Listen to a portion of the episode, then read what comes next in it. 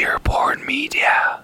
Przedsiębiorcy z wyboru. Podcast dla naznaczonych biznesem. Porady, studium przypadków, nowinki, analizy, dyskusje, rozmowy, opinie.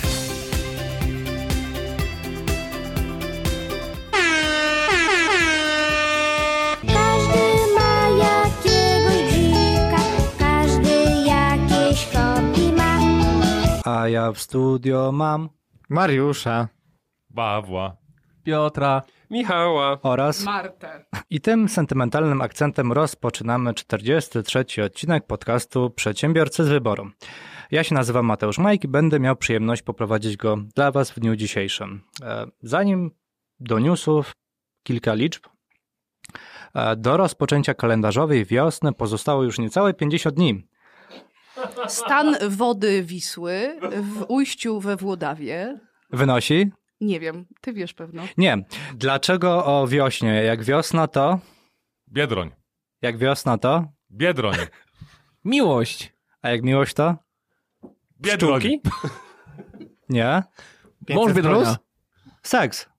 A, W naszej audycji nie używamy takich obscenicznych słów. Serduszkowanie. Pukanie. ale serduszkowe to jest na Instagramie tylko. Tak? No. No to już nie będę mówił serduszkować. Próbowałem tym stwierdzeniem nawiązać do naszego gościa dzisiejszego, Marty Niedźwieckiej. Cześć Marta. Cześć. E, Jakbyś mogła powiedzieć w kilku słowach, zdaniach, jak wolisz, e, czym się zajmujesz na co dzień? Em, zajmuję się seksualnością. Nie seksem, seksualnością. Jestem terapeutą, e, seks coachem, psycholożką. Mam gabinet, robię warsztaty, robię podcast o zmierzchu, który jest o seksie i o sensie życia, bo te dwie rzeczy się jakoś się mocno łączą. Wydałam książkę. Tak, no to w sumie będzie tyle. To nie będziemy dzisiaj o seksie mówić? No jak panowie narzucą taki temat, to będziemy mówić o seksie. Wolałabym A. mówić o seksualności i nawet wyjaśnię dlaczego. Piotrek, czemu tak się zasmuciłeś? Masz podcast o seksie i sens, sensie życia. Czy seks jest sensem życia? Sensem może nie, ale na pewno ważną, jakąś fundamentalną kwestią. Tylko, że właśnie nie seks, a seksualność. W opisie podcastu masz mało literek, y, więc skracam opis. Różnica między seksem a seksualnością mniej więcej jest taka, że seks to jest to, co ten akt. Czyli to, co robimy, jak chcemy mieć seks. E, Akt seksualny. A seksualność to jest y, dużo szerszy kawałek i to jest w zasadzie to, jak żyjemy, co o seksie myślimy, jaki mamy kontakt ze swoim ciałem, z emocjami, e, jaki, z jakimi żartami się posługujemy, jaką płeć wybieramy do tego, żeby z nią mieć seks. E, I w ogóle cały ten zestaw rzeczy, które robimy wokół e, własnej no, identyfikacji psychoseksualnej. I to jest dużo ciekawsze, bo umówmy się, no, to pojedyncze spotkanie dwóch ciał, no, dla tych dwóch ciał ba- bardzo zajmujące bywa, tak? Tak, ale Nie ograniczajmy się do dwóch ciał. Od dwóch wychodzimy zazwyczaj. Znaczy, no, wychodzimy od jednego, potem są dwa, a potem można multiplikować. No chyba, Michał, że przez networking. Michał, nie wiesz co robisz. Y, Nie wiesz co robisz. Ja w drodze do studia pozwoliłem sobie na jeden, dwa żarty i naprawdę ja już się nie odzywam. I tobie też dobrze radzę. Nie no, zachęcam panowie, zachęcam, bo będzie to bardzo milczący podcast. Ale... Nie, bo ja już, ja już dostałem rachunek na 300, wiesz? A to był tylko kwadrans drogi. A to, a to był tylko kwadrans. Słyszałem, że ty płacisz, więc mnie stać. Ja nie będę płacił za twoje fantazje seksualne. Dobrze, a nie Raz- sprowadzajmy tej dyskusji o, o seksie do płacenia, bo jednak tu mamy coś więcej. Do, czy nie mamy? Do przeniesienia i przekazania. Omówienia. A poza tym, czemu, będziemy płacić. poza tym czemu nie będziesz płacił? E, najpierw go zwichrowałeś, to teraz wiesz, no jakby to. odpowiedzialność... Ja teraz go nie zwichrowałem. No dobrze, Marta, ale powiedziałaś, że to, jakimi żartami się posługujemy, to nas definiuje też pod względem seksualności. Może nie definiuje, ale stanowi tej seksualności element. Przekonania, które masz w głowie, czy wszyscy mamy, czy to jakimi żartami opisujemy tą sferę, yy, bardzo wiele mówią o tym, co sobie na ten temat myślimy. Na przykład jak ktoś jest fanem seksistowskich żartów, yy, takich zawiesistych seksistowskich żartów, to najczęściej ma w głowie, w tle takie przekonanie, że no właśnie, że na przykład yy, kobiety to służą do jakichś form seksu i że e, może mieć, nie musi, ale może mieć taką postawę, w której będzie korzystał z tych kobiet, eksploatował je i traktował je nie podmiotowo, tylko przedmiotowo. Mm, A te żarty będą trochę zewnętrzną emanacją tego, co ma w głowie. Nie muszą, oczywiście, bo zakładam, że ludzie, którzy się jakoś równościowo i przyzwoicie zachowują, też mogą czasem grubo zażartować, ale bardzo często tak jest. I ym, z tą seksualnością problem polega na tym w Polsce, że y, ludzie jak słyszą słowo sek, to już myślą tylko o chędożeniu. Nie dochodzą do, do słyszenia ksualność. Nie dochodzą do tego, że tam jest jakieś myślenie, że tam są jakieś postawy, że tam jest jakaś nauka, jakieś doświadczenie. Y, y, Wiesz, kawałek gołego biustu albo kawałek gołego pośladka i odcina płaty czołowe. Czyli reklamowe szczucie cycem. Tak, Okej. A słyszałeś jakieś żarty Piotrka? tak, słyszałam. No między innymi dlatego myślę tak żywo zareagował. Ale moje żarty nie były... y, Nie były. Nie były. Tak ci tylko wydawało. A ponieważ żaden ze słuchaczy nie słyszał naszej rozmowy, to nie będziemy teraz mówili o Nie, tym, no co tak, było tak, przed tak. audycją, prawda? Bo to takie trochę niestosowne. Nie, to prawda. Poza, no, poza... Nie, bo teraz... Bo, bo, bo, bo nie chcę, żebyście też... To... Nowa łatka, nowa łatka. La, la, la, Nie ma generalnie la, la, la. fizycznej możliwości, żeby Piotr dwie godziny wytrzymał bez takich żartów, więc spokojnie wrócimy do tego jeszcze na pewno podczas audycji. Myślę, Ale że to- wypłynie. Ale bo chcę, żebyśmy też powiedzieli sobie jasno, że to były seksistowskie żarty z mojej strony. Może nie seksistowskie, ale one były z tego, z tego klucza, Mhm. że jest jakiś koncept na seks, Mhm. y, duży jurny fat. Pokazałeś mi takie zdjęcie na Insta, jakiegoś takiego kolesia. Dana, dana ta, nie, nie, wytłumaczę, Dana Bilze, Bilzeriana, który je kolację, a w wannie jest pięć nagich dziewczyn. Takie to było zdjęcie. Tak. No to, bo, I, I to jakiś kolo siedzi na brzegu wanny. nie jest kolo, to jest Dan Bilzerian. Ko- kolo dla mnie. Zgodzie. I znaczy czuję twoje zaangażowanie, szanuję je, ale go nie mam. I, e, e, i, i obok siedzi, siedzi cztery czy pięć półnagich niewiast. To nie jest zdjęcie o seksie. Dokładnie. To jest zdjęcie władzy. To jest zdjęcie, O. które mówi ja mam największego. Watch me. Tak? Nie ma nic o tym, czy oni mają relacje, czy on się dobrze bzyka. Ja stawiam milion dolarów, których nie mam, Mhm. że kolo jest naprawdę cienki w te klocki. Dlaczego? Bo ma nadkompensację. Bo mnie najbardziej facet, uderzyło w tym zdjęciu, jest że- dobry w seksie, no. który jest dobrym kochankiem, daj mi skończyć, nie będzie ostentacyjny. Mhm. Dlaczego? Bo ostentacyjne są tylko małe zwierzątka, rozumiesz, które strasznie dużo hałasu Okej. robią wokół siebie. Czyli, Gdyby Piotrek dostawał stówę za każdy raz, jak od kobiety słyszę, słyszę daj mi skończyć. E, czyli, Dobrze, czyli krowa, która dużo mu czy mało mleka daje. tak. Wtedy złoto. Okej. Złoto. E, mnie najbardziej uderzyło w tym obrazku to, że Dan Bilzerian coś je i nie poczęstował ich, tych dziewczyn. Ale oni w ogóle Nie jest są sobą- dżentelmenem. są- Ja uważam, że nie jest dżentelmenem. Ja nie wiem, czy on jest dżentelmenem, bo czym jest dla ciebie bycie dżentelmenem, to jest y, oddzielna kwestia. Tylko ja na tym zdjęciu widzę ludzi, którzy są w ogóle niezainteresowani sobą. Tam nie ma żadnej interakcji erotycznej. Tam są cztery półnagie niewiasty z jakimś kolo, który tam dziubie w potrawce z kurczaka. Y, Sceneria jest a la Las Vegas y, na bogato. Y, Oczywiście to jakby mogą być heheszki, tak, ja przyjmuję to do wiadomości, ale bardzo wielu facetów i bardzo wiele kobiet bierze to super serio, jeden do jednego. Mało tego, ten obrazek, który ci pokazałem, no nie wiem czy ten, ale ten profil dostaje miliony lajków, a y, para staruszków, która przeżyła ze sobą 50 lat i trzyma się za ręce, dostaje dwa lajki, z czego jeden jest od ich wnucząt. Tak. I teraz te, jak, jak y, umknęło nam to w, w toku awarii technicznej, ale ja stawiam milion baksów, których nie mam, y, że y, rzeczony pan z profilu nie jest szczególnie dobry w te klocki. Po czym wnioskuję? Mhm. Bo jest nadreprezentacja, bo jest puszenie się, bo jest y, nadymanie się i ostentacja. Uważasz, że każdy, który się puszy, ma problem z seksem? na pew... krowa, która dużo ryczy, mało mleka daje. Nie, nie, po prostu nie ma opcji. Mhm. Jak ktoś chodzi po świecie i demonstruje swoje seksualne skillsy i, i ma na, no, po prostu unosi się nad nim neon, to może być też kobieta, ale no, jednak kulturowo częściej to się zdarza facetom. Mhm. Unosi się nad nim neon, jestem po prostu mistrzem, to najczęściej jest albo zablokowany, albo ma spore trudności emocjonalne, albo jest bardzo dobry w takim rodzaju seksu, który ja nazywam, pardon my French, ruchaniem. Czyli genitalne 5 minut, one bam, thank you mam, idziemy. To, w to proszę. Ale taki seks, który ja rozumiem za dobry, czyli taki, nie, to nie musi być miłość do grobowej deski, to w ogóle nie jest opowieść o tym. Tylko taki, w którym ludzie są gdzieś jakoś razem, coś czują, to jest coś innego niż 5 minut sprintu do mety, to tego pana tam nie spotkamy na, na podium olimpijskim. No. To, co, to, co powiedziałaś, y, jeśli mogę rozwinąć jeden wątek, bo to jest bardzo ciekawe. Y, seks to biologia czy kultura? Bardziej kultura niż biologia. My bardzo ty dużo wydawało, lubimy... bo mnie na przykład że tam wydawało się, fizjologia że, rzeczy, że to po prostu jest biologia. Mm. Po prostu na przykład, yy, że nie wiem, wielu facetów często po prostu wiem to też z zaw- z zawodowego punktu widzenia, yy, wiele postępowań, także rozwodowych. Yy, miałem przyjemność obserwować, prowadzić. Yy, Przyjemność? fa- mówiliśmy, że on nie jest normalny. a wiesz, dostaję za to pieniądze, więc dla mnie to jest Rozumiem, przyjemność. no. Szanuję. E, I jak trzeba być zrytym, żeby cieszyło cię to, że inni ludzie krzywdy Dobra, mają, widzi- prawda? To się nazywa... jak mu konto prawda? to, to, No, to, no, to ale rozumiem. tak. no. ale no, ale, pa, Rozumiem. ale no to mam to, mamy to, Le, jedziemy. lekarz zarabia też na, na, na nieszczęściu. No kurde. No, ale Nie, celem, on leczy Ale ludzi. celem jest wyleczenie jednak.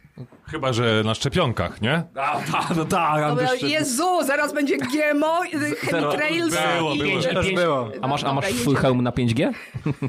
że tak spytam, ale dobra, wracając do faktów i nie ma czegoś takiego jak globalne ocieplenie, ale nie ma co gówno burzy No tutaj tak, tak. rozpędywać. Nie, jest oczywiście, jest, jest. Ogniska w Australii to też nie jest jakaś... Dobrze! Nie, w latach 70. były większe pożary i nikt nic nie mówił. Boże, ten Bezos mało dał pieniędzy, ale to już było ostatnio, nie Nie, zaczynajmy nie tego było jeszcze raz. pedofilii, ale tam dojdziemy. Nie, idziemy do... Ale no nie dzisiaj była nie tu... było. Nie, no, nie, A, dzisiaj. ale nie mów nikomu. Ale, ale Mariusz jakoś tak cicho. A Mariusz, bo myślisz, że Mariusz będzie w drugiej części? Nie, to Mariusz, czy ty masz być w drugiej części nie mów nikomu? Druga część będzie wykrzycz to na cały świat. Właśnie, wracając. Często faceci, głównie faceci, tłumaczą to, a bo biologicznie facet jest tak zaprogramowany, żeby uprawiać seks z jak największą ilością partnerek. Często takie opinie słychać. Chuju, muju, czarne węże. Jakby Czarne? Ci, czarne. Czyli jednak Yy, to ma znaczenie. Jakby ci faceci y, rozejrzeli się po świecie ciupkę dalej niż europocentryczny światopogląd, który posiadają, czy z, z zachodni, to by zobaczyli kultury, w których panują na przykład inne wzorce budowania relacji. Są takie? Są. Oczywiście w naszej, w naszej seksualności, bo nie mówimy o seksie, tylko o seksualności, jest kawałek, który się nazywa prokreacja, zapłodnienie, y, wiecie, hormony, fizjologia i tak dalej. I on tam jest. Ale interpretacja tego należy do kultury. Jakbyśmy żyli w takiej kulturze, w której wzorcem jest y, posiadanie jednej albo dwóch partnerek na całe życie dla mężczyzny, i wzor- obowiązującym wzorcem bycia super samcem byłoby jak najlepsze seksualne, yy, nie chcę użyć słowa zaspokojenie, ale jakby bycie z tą kobietą przez całe życie, to wszyscy faceci na wyprzódki chcieliby być jak najlepszymi monogamistami. To, że myśmy się umówili kulturowo na to, że dużo znaczy, że jesteś super samcem, to jest umowa społeczna. Kto się tak umówił? Skąd, skąd ona? Skąd To ona jest, o Jezu, to jest dyskusja na parę Naprawdę? tysięcy lat do tyłu. No bo to- Oczywiście. a- Oczywiście, że jest coś takiego, obiektywnie rzecz biorąc, nie lubię obiektywnie rzecz biorąc, ale dobra, z ewolucyjnego punktu widzenia jest coś takiego, że mężczyzna może e, jakby zrobić więcej dzieci, bo jego koszty własne, biologiczne są niewielkie, ponieważ on tych dzieci nie rodzi, ale co się z tym biologicznie faktem robi i jak to będzie realizowane, to już jest interpretacja kulturowa. Czyli ta sklejka, że dużo bzykania, jestem super samcem, to jakby można się w, w, z tym identyfikować, a można się z tym nie identyfikować. I ja akurat mam takie poczucie, że trochę żyjemy w czasach, w których faceci zaczynają naprawdę się tak trochę budzić i pytać, no dobra, no fajnie, dużo, co to znaczy dużo, czy to zawsze jest taki właśnie genitalny seks, określony przeze mnie dźwięcznym mianem ruchania, yy, czy może ja bym szukał w tym czegoś więcej. Yy, na przykład dochodzą w pewnym momencie do czegoś takiego, że ten genitalny seks się nudzi, bo on się nudzi, bo on jest nudny po byku. E, Zrobisz to 150 razy w ten sam sposób i po prostu masz ochotę odpalić Netflixa, a nie robić to 151 raz w ten sam sposób. Ale jeżeli robisz coś więcej niż seks genitalny, on angażuje jakoś tw- twoją psychikę. Znowu nie mówię o miłości do grobowej deski. Twoje ciało, zdolność odczuwania przyjemności, fantazję, wyobraźnię, jakiś king czy cokolwiek, czyli jakieś takie preferencje powiedzmy mniej standardowe, to się nagle okazuje, że można na tym płynąć po prostu latami i jest jazda i jest super. Tylko trzeba wyjść z tego pudełka, w którym dobrze znaczy dużo. Nieważne jak, byle dużo. To jak już słyszeliście, macie przedsmak tego, co będzie w drugiej części e, podcastu, natomiast tradycyjnie e, newsy, kto z panów przygotował pierwszy news? Ja. Przedsiębiorcy z wyboru. Podcast dla naznaczonych biznesem. Ja przygotowałem pierwszy news. Proszę cię. News dotyczy, no jak przystało na, ja jestem, jedy, jestem takim człowiekiem od Pornhuba podczas w naszym, naszym e, podcaście. A, Wiesz, jaka jest odcinek najbardziej chodliwa y, kategoria w polskim Pornhubie? Wiedźmin. Milf. Nie, tam MILF. Milf. Jakiś komentarz? MILF. Ale do tego? No MILF. Ale czemu, jak? Nie, nie wiem, musiałabym przepytać te parę milionów internautów, którzy wybierają. Poza tym to też jest takie, co to jest MILF. yy. No właśnie, a MILF ciekawie, musi że mieć- pierwsza musi odpowiedź to dziecki? Wiedźmin, bo ja bym naprawdę chciała zobaczyć dobre polne z Wiedźminem. A to nam... y, Ale dobre. A, a, Like, dobre. jak Piraci z Karaibów, nie? Ulubiony film pornograficzny Piotra. Yy, największa superprodukcja. Najdroższa. No. Słowo największa tam też ma uzasadnienie. A czy, czy, czy tak, taka dygresja jeszcze a propos tego, co tutaj zaczęliśmy mówić, czy MILF musi mieć dzieci? Musi, bo inaczej by nie nie, jest- nie było. jest Tam M. zazwyczaj jest taki kawałek, że y, jest wygrywana interakcja z kimś y, y, młodszym albo y, skoligaconym. Mm, Tak, typu tam stepson, znaczy pasierb, y, tam coś tam, coś tam, nie? Kuzyn, whatever. A, I ta różnica wieku i ta fantazja o byciu prowadzonym przez... y, To ciekawe, bo jak sobie pomyślicie, że to Polska, to dobra, to ja teraz jadę ze swoją interpretacją, to nie ma nic wspólnego z nauką, to jest tam, jak ja to widzę.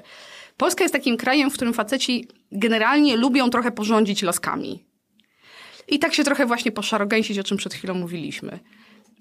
A jak przychodzi do oglądania porno, to by chcieli być tak, wiecie, wzięci i złomotani przez kogoś 20 lat starszego od siebie. What? Like, seriously? Tak, żeby być takim malutkim i takim wziętym. Co Au. tam, Paweł? Jesteś specjalistą od Pornhuba, no i? Ale ta dygresja już mnie po prostu ujęła. E, No więc nie, nie znalazłem informacji na temat tego, z jakiego kraju jest e, pan Jarosław Suris. Przez Y, Jarosław, chyba dobrze to wymawiam, nie wiem jak z nazwiskiem. No jak Jarosław, to wiemy skąd jest. Ksywka jakaś może. To może być słowo. Nie, no to jest norma, to jest imię i nazwisko, nie jest ksywka, bo to jest y, oficjalne, oficjalny news, ponieważ właśnie pan Jarosław y, z, po, po, podał do sądu y, Pornhub, że czuje się y, dyskryminowany ze względu na to, że jest osobą y, głuchą. Y, I niestety, y, jako przykład dokładnie y, podał, że w filmie, który chciał zobaczyć, nie był w stanie zrozumieć y, całej fabuły, ponieważ nie było napisów.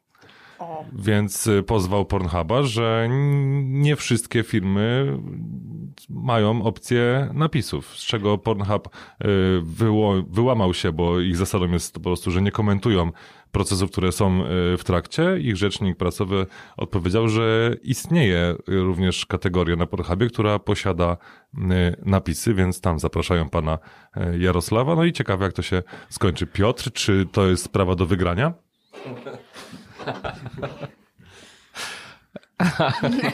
Piotr nie komentuje spraw Nie, swoich bo- klientów. Nie, nie komentuję spraw swoich klientów. A to ty, panie Jarosławie? Proszę się nie przejmować. Nie, nie, ale zastanawiałem się, czy można to y, podciągnąć pod dyskryminację. Nie, no bo, no bo y, chociaż z drugiej strony bardziej myślałem o linii obrony Pornhuba i ja bym szedł w kierunku takim, że jakby niewiele traci, y, bo te dialogi wręcz nawet mogą być mylące w stosunku do fabuły. To jest jak miganie, To wiesz. gdzie ta woda cieknie, tak? No, no, Kuba Biel mówił, że, bo nie wiem, czy słyszałaś, że XCOM miał jakiś czas temu kampanię na Pornhubie e, myszek dla leworęcznych e, i szukali, e, tam jest w panelu takim właśnie do, do zarządzania reklamami w Pornhubie możesz wybrać, że chcesz filmy z fabułą. Dlatego, że ch chcieli, m, żeby użytkownicy jednak, którzy to już wyłapali, robili te screenshoty i wrzucali na Facebooka i w inne media społecznościowe, a dlatego mieli filmy fabularne, że jak ktoś zrobi screenshota, to pan jeszcze puka do drzwi, a nie puka panią. A ja się obawiam, że jak, jak spełnią prośbę tego pana Jarosława, to on będzie zawiedziony. Bo on teraz sobie myśli, a dlaczego do tego doszło? I chce się dowiedzieć. O, i dotykasz potem- jednej z najfajniejszych rzeczy w seksie, jaką jest napięcie i tajemnica. I że jakby, jak pan Jarosław się dowie, że linia dialogowa i odgłosy wcale nie są takie, jak jego imaginacja mu podpowiada, cenne w tej całej opowieści, to może się srodze zawieść. To coś jak z seksem grupowym, w którym największym zagrożeniem jest co? bycie pominiętym. Tak. Nie z doświadczenia. To jest jak na śniadaniach. Networkingowy. networkingowych. Jak, jak BNI-u. Kiedyś zrobiliśmy porównanie BNI do seksu grupowego jeszcze, ale teraz tylko bardzo króciutko jestem bardzo ciekawy, czy panu Jarosławowi zależy również na tej e, opcji z napisami z autodeskrypcją, czy tylko i wyłącznie same opcje dialogowe? No nie wiem, to nie może, możemy spytać, jak tam klient y, w tym pozwie, co napisał i co by chciał mieć rozwinięte, no bo to... Wyślemy ja myślę, że depeszę. wiele osób jest... Ja, ja na przykład mam całkiem sporą wrażliwość olfaktoryczną, czyli taką węchową i też bym chciała mieć dobre filmy pornograficzne, które pachną. I jestem dyskryminowana z tego powodu. Widziałeś pachnidło? Of course. Możesz. To, to był zły rol, nie? No, Ale to było... O, to jest przykład dobrego budowania napięcia. Jak, jak w, nie w filmie erotycznym, bo nie jest to film per se erotyczny, ale to jest takie, że jak dochodzisz do samego końca filmu, to y, w, w zasadzie już jesteś na takim postronku, że y, niewiele, y, niewiele trzeba. No ale w pornosach to nie jest takie częste. Oglądaliście Erika Last kiedyś? Nie. To obejrzyjcie. To takie po, porno z sensem. Jest ślub, Najsłynniejsza- jest ślub na końcu? E, Nie, jest, do, jest dobrze na, na końcu. Jest, to jest najsłynniejsza jest dobrze na końcu. e, reżyserka filmów e, erotycznych. No właśnie, takich teoretycznie dla kobiet, ja nie wiem, co to jest za kategoria dla kobiet, ale e, takich, Czyli- które mają Mhm. bardzo fajnie poprowadzoną narrację, która nie jest o tym, że przychodzi pan hydraulik i wiecie o tym. Na takich filmach, Piotrek, właśnie płaczesz, także przygotuj sobie chusteczki więcej. Niż Nie no, właśnie pan, nie no, właśnie pan, Jara, to się chyba zawsze przydaje, nie? nie no, pan, Jaros, pan, pan Jarosław, pan Jarosław e, po prostu nie, nie był w stanie uwierzyć, że tam nie doszło do ślubu i, i, i chce wiedzieć czemu. Wiecie, o czym ten news świadczy? O czym? Że w końcu na Nowogrodzkiej internet założyli. Przedsiębiorcy z wyboru. Podcast dla naznaczonych biznesem. Jakiś czas temu mówiliśmy o bezobsługowych sklepach, e, które się pojawiają w Polsce. Ma to być też tak naprawdę rozwiązanie problemu związanego z niedzielami wolnymi od handlu, między innymi. A- I jeden z klientów takiego sklepu, sklep się nazywa Take and Go w Poznaniu, miał nieprzyjemność skorzystania z e, możliwości dokonania zakupu, natomiast niestety mu się telefon rozładował. To tylko gorzej, jakby mu się rozładował w kiblu. E, no, Nie, bo nie mógł wyjść. no właśnie, nie mógł wyjść i na szczęście przechodni, którzy widzieli, jak, jak klient gdzieś tam dobija się, próbuje wyjść z tego sklepu, zareagowali i, i e, zgłosili tą sprawę e, bezpośrednio e, serwisantom. Natomiast no faktycznie, jeśli w ten sposób działa technologia, że jeśli nie mamy e, do, dostępu do, czy do internetu, czy dostępu do smartfona, to tak naprawdę jesteśmy uwięzieni i co teraz, nie? Ja czytałem też tego newsa i tam dwie kwestie. Po pierwsze, rozwiązanie tego jest banalnie proste, po prostu ładowarki będą w tych sklepach i nie ma tematu. Żeby Teraz- ale jeden, teraz, po jeden fakcie, kabelek nie? wystający, tak. A, a drugi jest taki, że gdyby pan nie spanikował i by się rozejrzał, to obok była instrukcja awaryjnego wyjścia, jak może uiścić zapłatę za zakupy, jeśli telefon się rozładuje. Ale ona była du- dużymi literami Nie napisana. wiem jaka była, ale, ale sieć się wypowiedziała, Ciekawe, że co tam, co- telefon co- nie jest e, obowiązkowy do wyjścia, tylko po prostu Może zostawić buty pod zastaw. Nie, no przypuszczalnie jest obok komputer, się trzeba zalogować po prostu i robisz to samo, co z komórki na komputerze, tak? Więc Ale coś w tym na stylu. przykład jedna znana sieć y, siłowni, której nazwy wymieniać nie będę. Można, można. Można. Powiedz, powiedz. y, z, z, Za, napiszemy do nich, jak nam zapłacą, że, nie, że mam wypikać, to wtedy się podzielimy. Aha, dobra. Y, W, w CityFicie, przynajmniej w Warszawie, są takie drzwi, które przypominają wejście do kapsuły. Jest ta, taka śluza, że wchodzisz, od, odpalasz aplikację, która cię wpuszcza i potem y, wypuszcza. I ostatnio y, aplikacja była uprzejma zatrzasnąć mnie w tej y, śluzie, ponieważ się zawiesiła i stałam tam jak y, y, po prostu, y, za przeproszeniem... Jak w seks misji. I śluza się Sama? zalcięła. Ja, y, sama, w tej śluzie. I tam pukałam i czekałam, aż ktoś przejdzie. Aż wreszcie przyszła miła pani i po jakimś czasie mnie wy, wy, wypuściła z y, tego słoika. Żeby się tlen nie Ale- skończył. Y, No właśnie, powietrze, nie tlen. E, ale 21% tlenu y, w mieszance. Ale jakby się skończyło tlen w tej mieszance, to już też by było kiepsko. Też by było kiepsko, ale azot skończyłby się równie szybko. Nie? Widzisz, Pa- Paweł, ty sam se strzeliłeś w kolano, zapraszasz mądrych ludzi, a potem... Ale azotu jest A więcej. ile wytrzymujesz na bezdechu, Pawle? Ja? A, no nie wiem. Co, a co? Ale podczas seksu? Dobre! Dobre, dobre.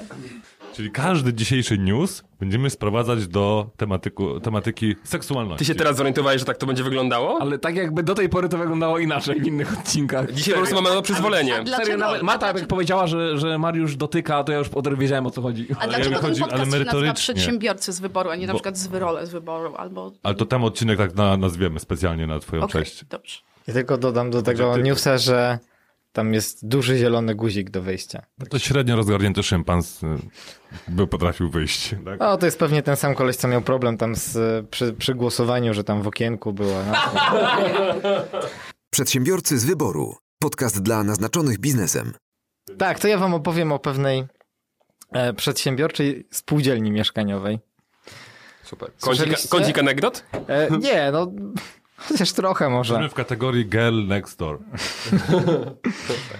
Słuchajcie, w Zielonej Górze e, pewna spółdzielnia mieszkaniowa, e, Kisielin, tak się nazywa spółdzielnia mieszkaniowa, e, wystawiła rachunki wszystkim e, mieszkańcom, no nie wszystkim mieszkańcom, ale mieszkańcom pewnych budynków e, za korzystanie z chodników. Na, na kilkanaście nawet tysięcy złotych każdemu. Na, na osobę.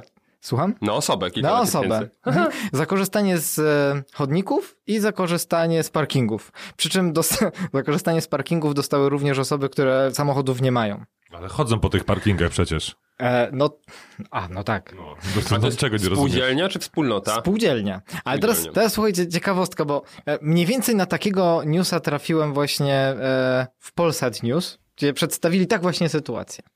Ale potem zacząłem grzebać dalej, no bo się zaciekawiłem, jak to tyle kasy, nie? Za Jak to można przez- sprzedać innym spółdzielniom się No właśnie, jak to tak? można zrobić, nie, prawda? I wziąć od nich za to hajs. Przyczyna była taka, że e, dwa bloki, dokładnie, tak, czyli tam kilkadziesiąt osób, mieszkańców spółdzielni, podjęło decyzję, że oni już nie chcą być pod tą spółdzielnią, bo mm, no, nie jest to najlepsza, delikatnie mówiąc, nie są zadowoleni z ich usług, a mieszkania mieli wykupione na własność, tak, czyli własnościowe i założyli wspólnotę. No i w ramach odwetu e, prezes e, spółdzielni mieszkaniowej po pierwsze odłączył im ogrzewanie i e, wodę, ciepło, bo tak się składa, że akurat główny zawór był na terenie spółdzielni mieszkaniowej. E, Więc e, później, jak już chcieli się z nim dogadać, że no, jakoś przecież no, mogą wydzierżawić, czy no, no, prawda? No to 50% ceny wyższe za to, więc musieli dogadywać się już bezpośrednio e, z dostawcami, tak?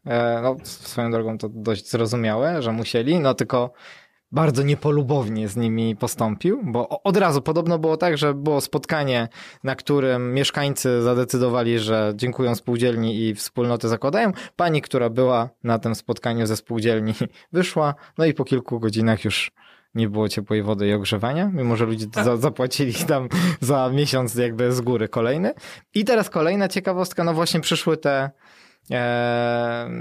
wyzwania, ale w ogóle ten prezes taki ba, bardzo, bardzo przedsiębiorczy w cudzysłowie, bo jakiś czas wcześniej do Urzędu Miasta, e, znaczy od Urzędu Miasta chciał dostać dość duże pieniądze, nie pamiętam jakie. Tutaj mówimy o milionach złotych, nie?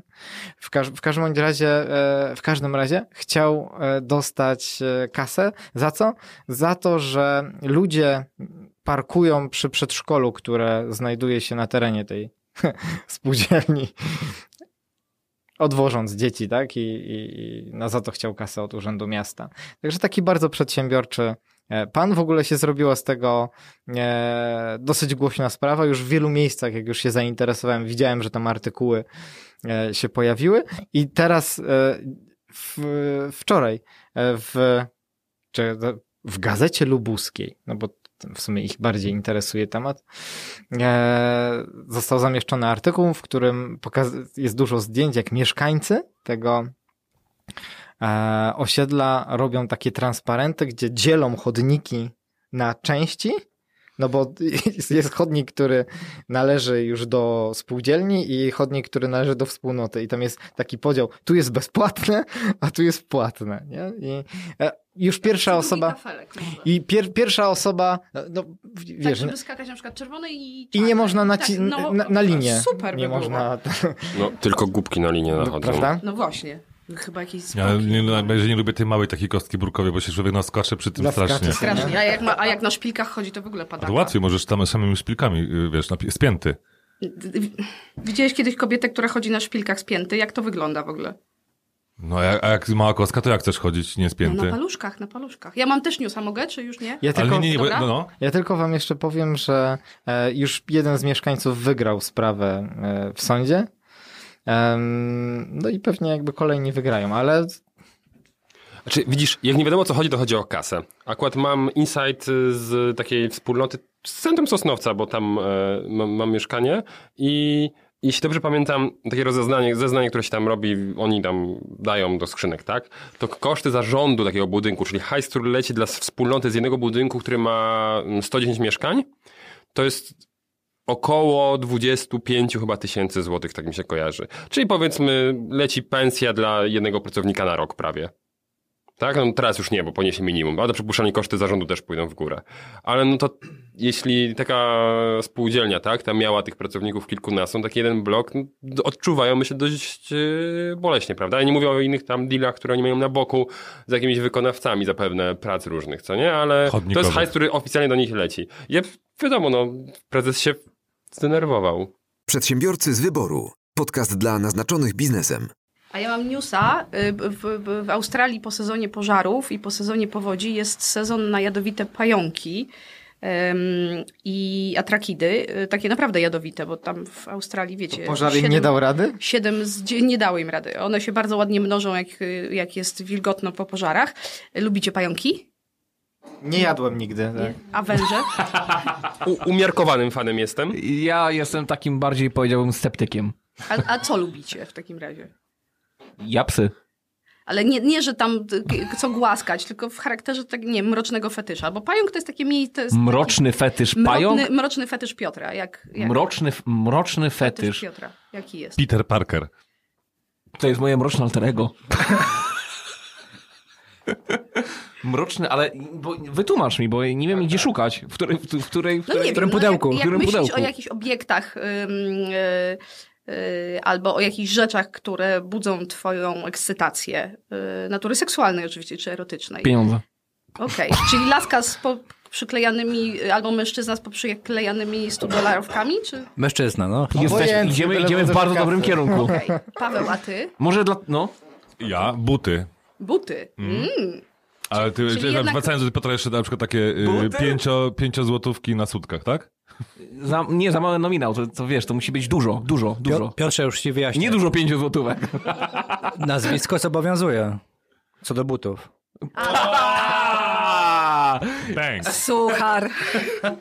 Ale, ale buty, ale, Ale, dobrze, fa- dobrze, fascynują dobrze. cię Stąd buty? to chodzenie po tym. Nie, no. y, Spięty.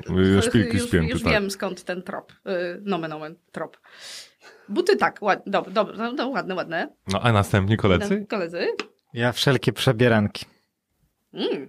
Czyli też buty. Ale i bez. Tak dłużej się zastanawiając, ale chyba mam podobnie jak Mariusz. Peter. Parker jednak. Tak, tak. Prze, przebieranki, a ty co masz? Się zastanawiam i co, co wybrać. Ale nie musisz Strzelaj w kapelusza. Ja wiem, wiem. Może wymyślę jeszcze coś To- to dzisiaj. po- Pomyśl. A ty, Marto? Yy, przebieranki fajne. Myślę, myślę, myślę. Bo Na kobiety buty tak nie działają, tak generalnie. W, w Chyba, sensie że buty Badura.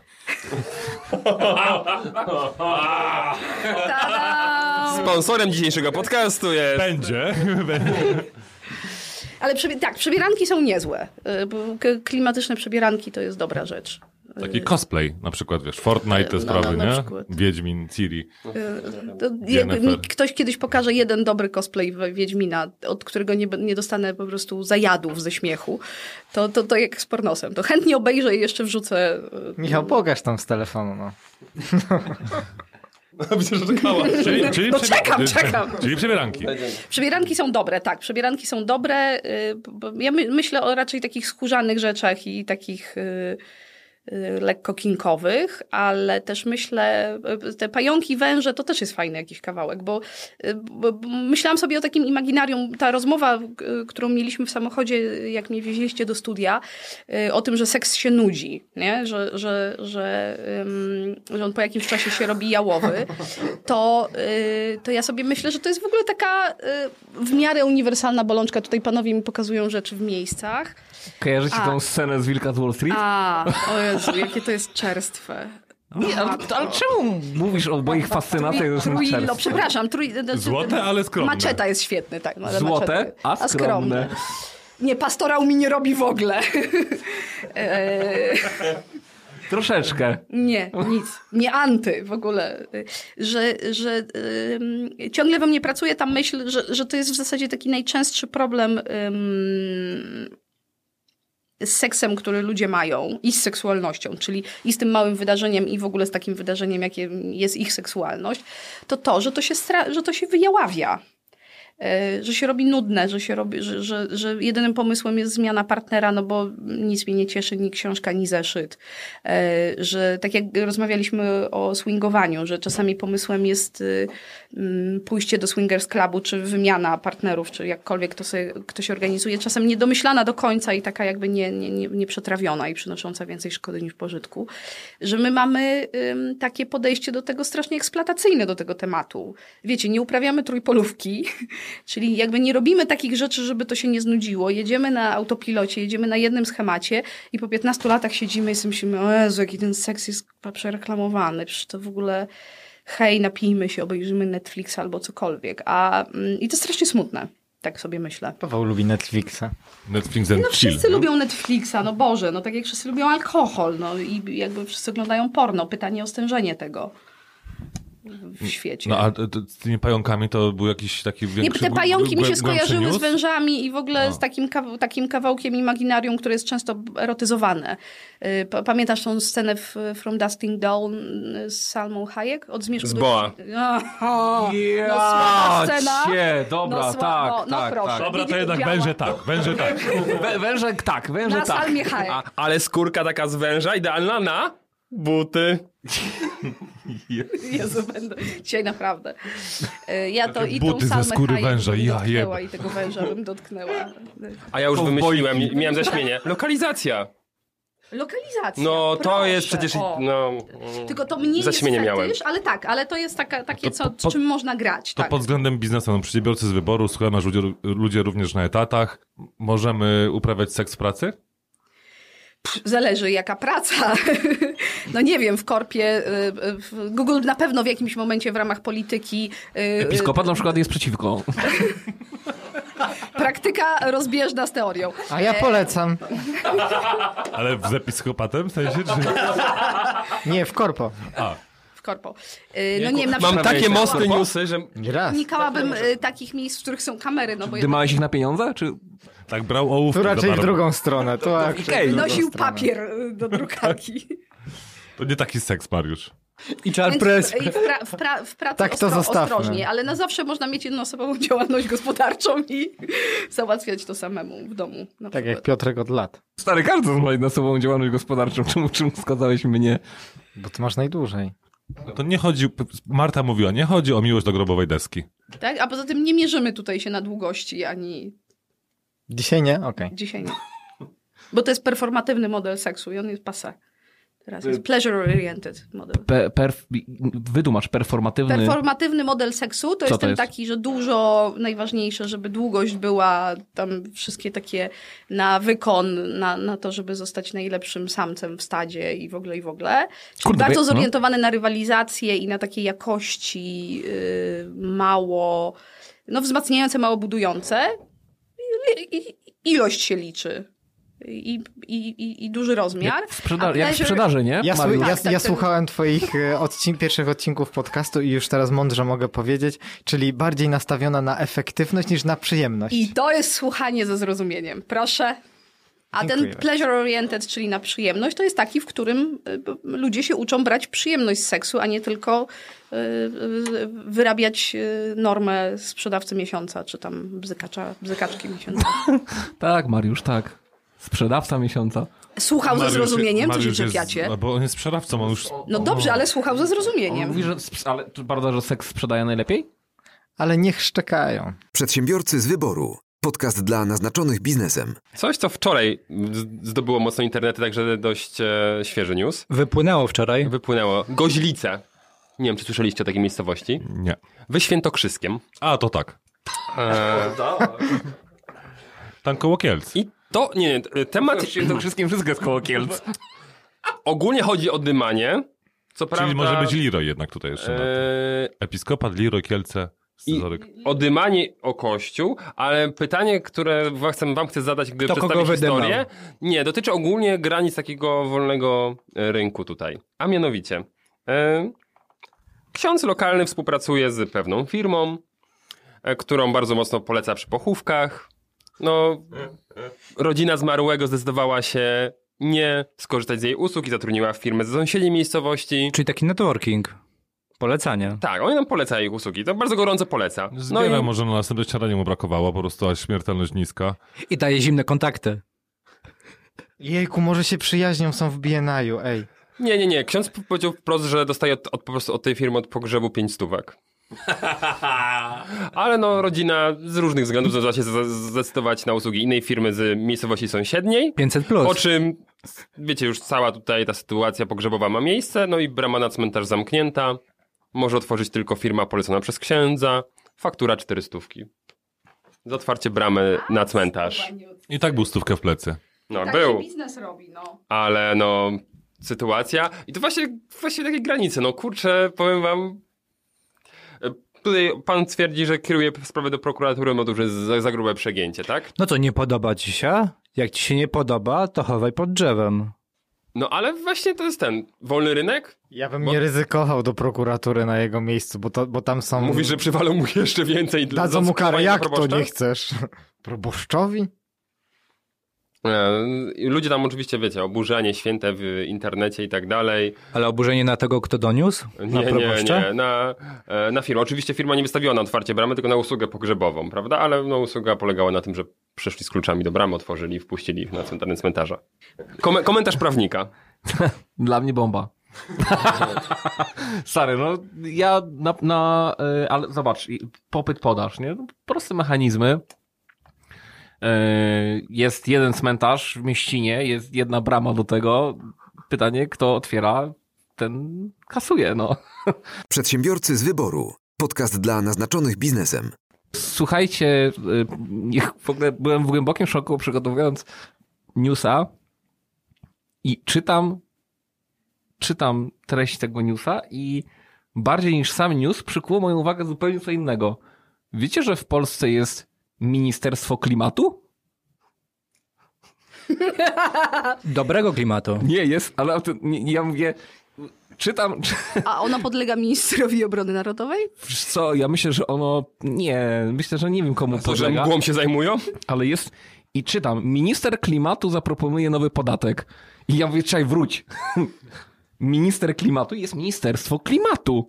I aż jest, Ale może być minister, a nie być ministerstwa. To też jest to... ministerstwo. Jest ministerstwo? Jest ministerstwo. Sprawdziłem na liście ministerstw. Ale je... Jest Ministerstwo Klimatu. Piotrze, zanim, zanim do podatku dojdziemy, e, to ma sens dla mnie, bo zwróć uwagę, e, po... Nie, nie, nie. No.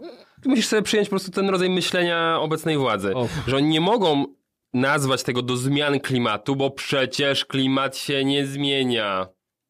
Ale Nie mogą do ratowania węgiel, klimatu. węgiel nie jest taki zły. Do spraw zmian klimatycznych nie mogą tego zrobić. No jedyne co im zostało to po prostu słowo klimat. Minister Klimatu. No Znaczy, kiedyś był Klimatu. minister ochrony środowiska. Było Ministerstwo Prawdy, i, y, mm, które zajmowało się O, propagandą. wiesz, ta książka przepowiadała wiele różnych rzeczy, które już się spełniły, że Więc mm, dlaczego my nie moglibyśmy mieć Minister, Ministerstwa Klimatu? Ministerstwo Klimatu, no po prostu hit. I autentycznie, słuchajcie, aż sprawdzę, no jest normalnie Ministerstwo Klimatu. Także proponuję nowy, nowy podatek. Nowy podatek będzie e, obciążał producentów, które, którzy wypuszczają na rynek. E, Oczywiście to nie jest pomysł autorski z Polski płynący, tylko raczej naruszony przez Unię Europejską. E, Natomiast będzie obciążał producentów opakowań, które, które mogą, są wypuszczane i zaśmiecają środowisko. Natomiast drugi news, Jest coś takiego jak organizacja Transparency International, e, która co roku wskazuje tak zwany Corruption Perceptions Index, czyli indeks korupcji.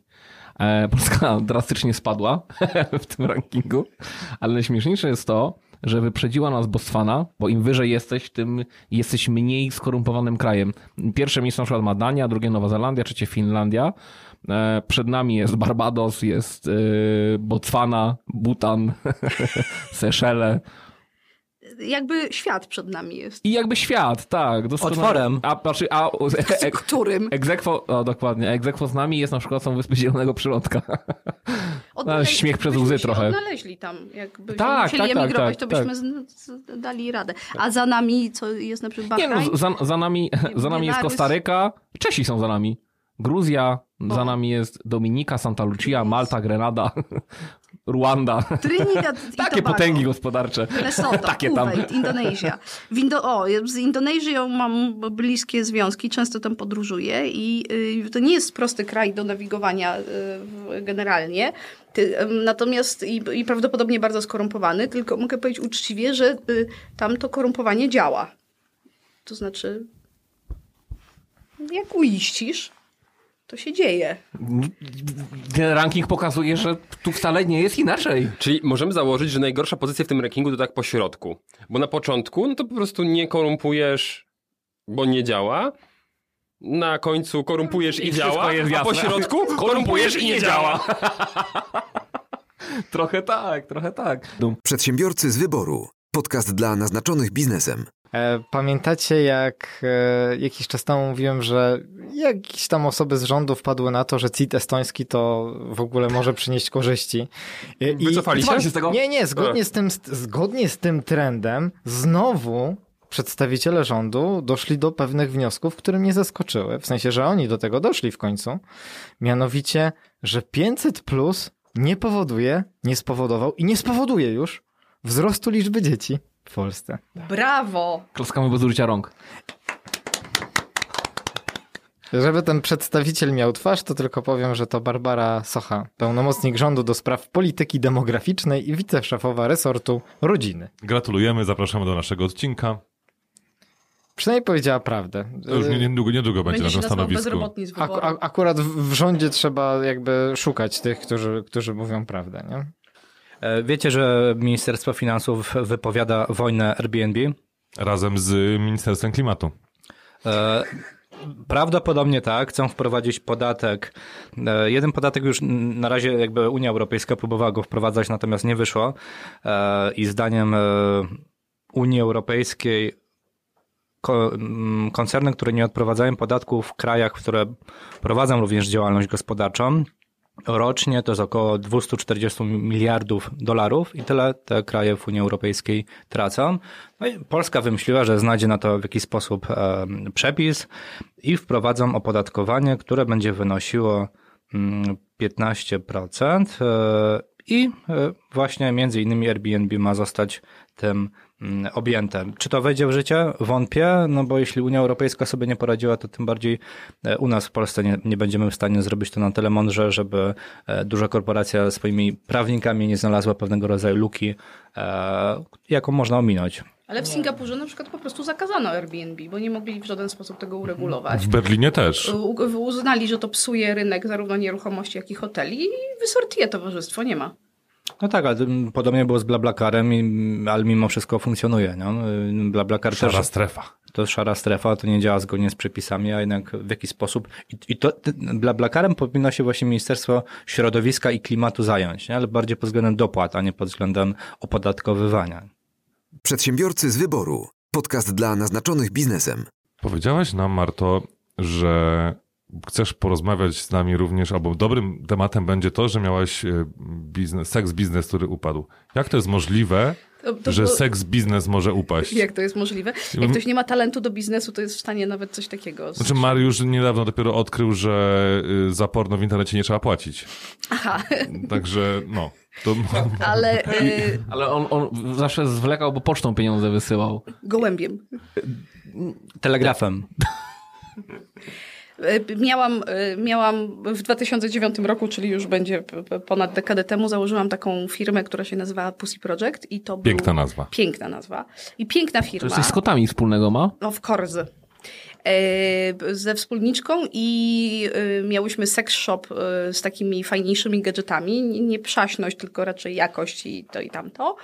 E, I taką Ale formułę... stacjonarny? No właśnie jeździłyśmy z warsztatami po całej Polsce. Handel obwoźny taki, Taki poloneza. handel. Proszę, proszę, pani, pani, Tak, sobie, pani tak. sobie wybierze, Jak tutaj pojedziesz pan gdzieś zobaczy. tam, nie wiem, w, w Kotlinę Kłodzką, to tam jeżdżą takie malutkie busiki, tam ziemniaczki, Mhm, ten, to tam były wibratorki. Były. Ale Ale- mieliście ale melodię, ci ludzie wjeżdżają na osiedle i... telefoniczne, a... A- Ale ci ludzie wjeżdżają na osiedle i robią ziemniaki, ziemniaki, to ty wjeżdżali wibratory, wibratory. Ale mieliście melodyjkę? Prawie, nie, nie miałyśmy melodii. Nie są no lody, dla- chociaż... dlatego-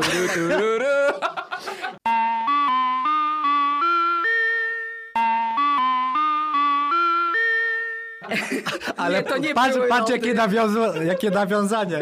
I to dlatego ten biznes mógł upaść. Ale No to... ten biznes upadł dlatego, że zgubiło nas y, y, uczciwie, zgubiła nas kompletna naiwność w, w niezrobiony sercz rynkowy. y, Brali na kartkę, tak? Ja się na tym Nie. trochę znam, bo mam Znasz? biuro w, w tej samej oficynie co dwa sekszopy i e, teraz już jest jeden, jeden upadł, dlatego że Na kolana? tamten, nie wiem jak upadł, ale upadł tak, że się Po prostu zamknął. Paweł lubi ten drugi.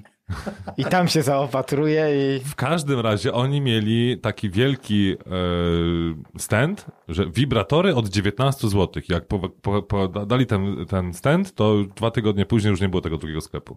A. To, to jest No to, to, trochę, tak? to trochę ten problem, dokładnie. To, to, to znaczy, ile można na produkcie, mm, że tak powiem, przytulić. No myśmy nie przytulały dość dużo. E, To była bardzo, ja wiem, że panowie tutaj sobie zbytki urządzają, ale to była bardzo nowoczesna formuła e, takiej luźnej edukacji seksualnej, która jest dosyć popularna na świecie i fajnie sprzedaje i w ogóle fajnie niesie. W UK z tego wyrosło całe wielkie przedsiębiorstwo Unsummers, które jest trochę takim awonem tylko z erotykami.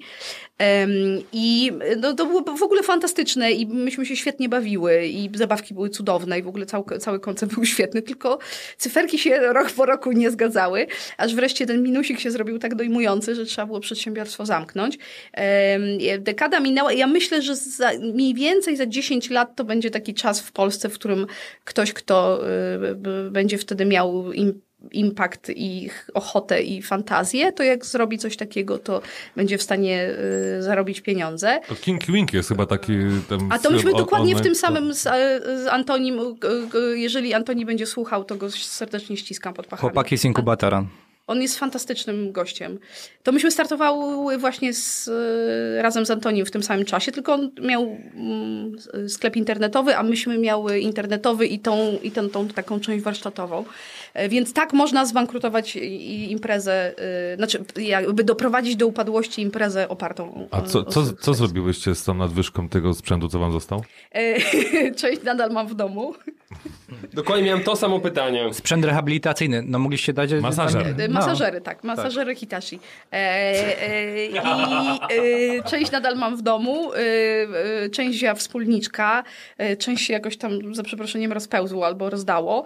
E, e, ja wiem, że e, to brzmi super ekscytująco, ale mm, wiecie, ja jakoś w ogóle nie czuję wibratora jako szczególnie, to prawdopodobnie to mnie zgubiło, bo dla mnie to jest taka rzecz pomiędzy elektryczną szczoteczką do zębów, a y, suszarką do włosów. Znaczy, y, pff, no, no, no mycie, myjecie zęby, chłopaki?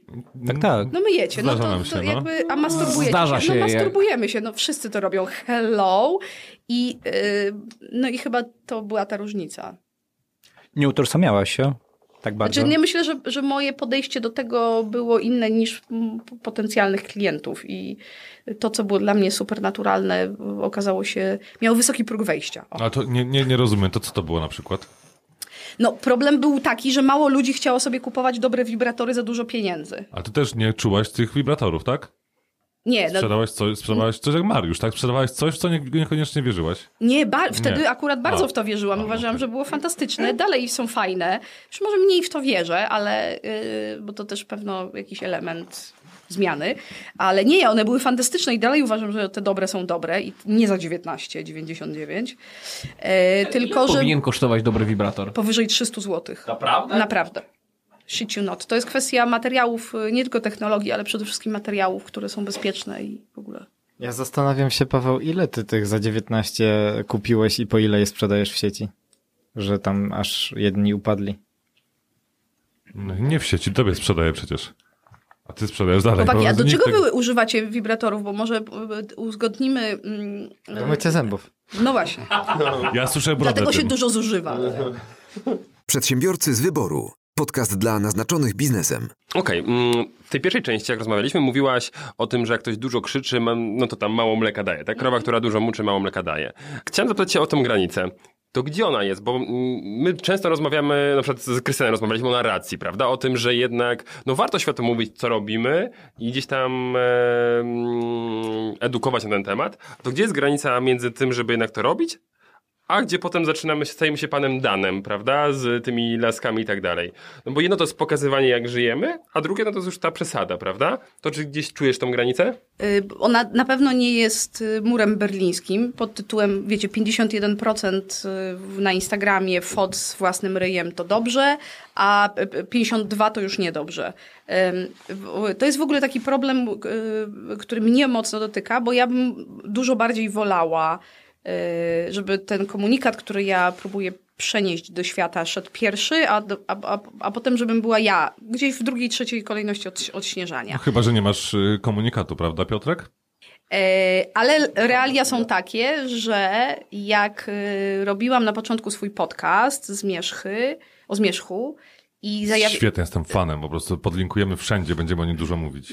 A teraz Daję sobie- suba. Nie, naprawdę. To się bardzo cieszę. Y, I na początku zajawiałam go kafeleczkiem bez zdjęcia. I potem ktoś życzliwy mi powiedział, hej, Niedźwiecka, wiesz co, wrzuć tam swój dziób i tam teges. I zaczęłam zajawiać kafeleczkiem ze zdjęciem, to słuchalność mi wzrosła ze 30%. Czyli, że jakby gdzieś musimy sobie zdać sprawę z tego, że ludzie słuchają rzeczy także dlatego, że my ich mówi, że my je mówimy. I że, że na przykład ja jestem jakąś narracją wokół tej seksualności, jestem jakąś osobą, która robi rzeczy i tak dalej, i tak dalej. I ludzie chcą z tym wchodzić w kontakt. Ja sobie myślę, że znać proporcje mociumpanie. Czyli, że y, ja, ja, nie, ja staram się y, robić takie rzeczy, które nie są w, w, w całości e, o mnie, mimo że to zdanie zaczęłam od ja. E, czyli, że jest jakiś message do, do upchnięcia, że, mm, że może w tym wszystkim niekoniecznie niedźwiecka, bardziej content, bardziej przekaz. Ludziom różne rzeczy dobrze robią. Bezpośrednio, ja, ja nie jestem mistrzem bezpośredniego kontaktu. E, e, W, w socialach jestem taka trochę wycofana, ale raz na trzy zdjęcia, oprócz podcastowych, wrzucam swoje, coś od siebie. Staram się to jakoś miksować. Staram się wrzucać na przykład takie rzeczy, które są, y, nie, nie są, wiecie, z, y, y, y, y, motywacyjnymi cytatami z Coelho pod tytułem tam usiądź na brzegu rzeki i czekaj, aż trupy twoich wrogów spłyną z prądem czy coś. Tylko takie, które coś mogą, y, coś mogą wnieść. Więc ja myślę, że każdy ma jakieś osobiste wyczucie, gdzie się y, kończy y, budowanie przekazu, a zaczyna się narcystyczna masturbacja y, własną obecnością i własną zajebistością. Nie, nie ma. Dobra. No to ludzie mają różnie i to też jest jakieś fajne. No. Ale nie no, przecież Piotrek sobie zdaje sprawę, że to jest... Jego Masturbacja. profil jest taką Jedną wielką masturbacją. jedną wielką masturbacją. Takim samogwałtem. Tak, raczej bym to do samogwałtu po, niż do samomiłości po, porównała. No i teraz ja nie chcę dręczyć Piotra, bo nam się zrobiła Nie, nie, taka... nie, nie? śmiało. prostu... My normalnie mamy taką zasadę, że nie obecnych, o nieobecnych tylko źle, ale że dzisiaj są wszyscy obecni, to można o wszystkich źle. Że, żeby nie, nie jechać jakoś ten, ale to za, wa- warto sobie we wszystkim, łącznie z seksem i budowaniem obecności w sieci, za, zadać pytanie, po co? I, a jeszcze oprócz tego, że je zadać, to może je, na nie sobie jakoś szczerze odpowiedzieć. I to jest ten moment, gdzie możesz szczerze... Odpowiedz. Dobrze, dziękujemy Piotrze. Yy, to była bardzo merytoryczna wypowiedź. Ale ja bym teraz... Ja... Chcesz coś powiedzieć? Nie. Nie, da, da, daj mu głos, daj. Dziękujemy. Ja uważam, że zadręczanie się pytaniami jest bez sensu. Znacznie łatwiej, znacznie łatwiej żyje się, nie zadając sobie tych pytań. Ależ oczywiście, w ogóle myślenie. Nie jestem jest fanem niesłycha- łatwego życia. Myślenie jest w ogóle niesłychanie y, zużywającym procesem.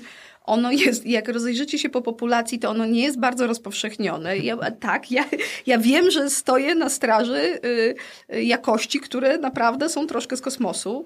Y, doradzam myślenie i słyszę, że nie każdy w nie uwierzy. Mało tak, popularny, mało popularny Mam trend. mało. E, dobrze, to przejdźmy do konkretów.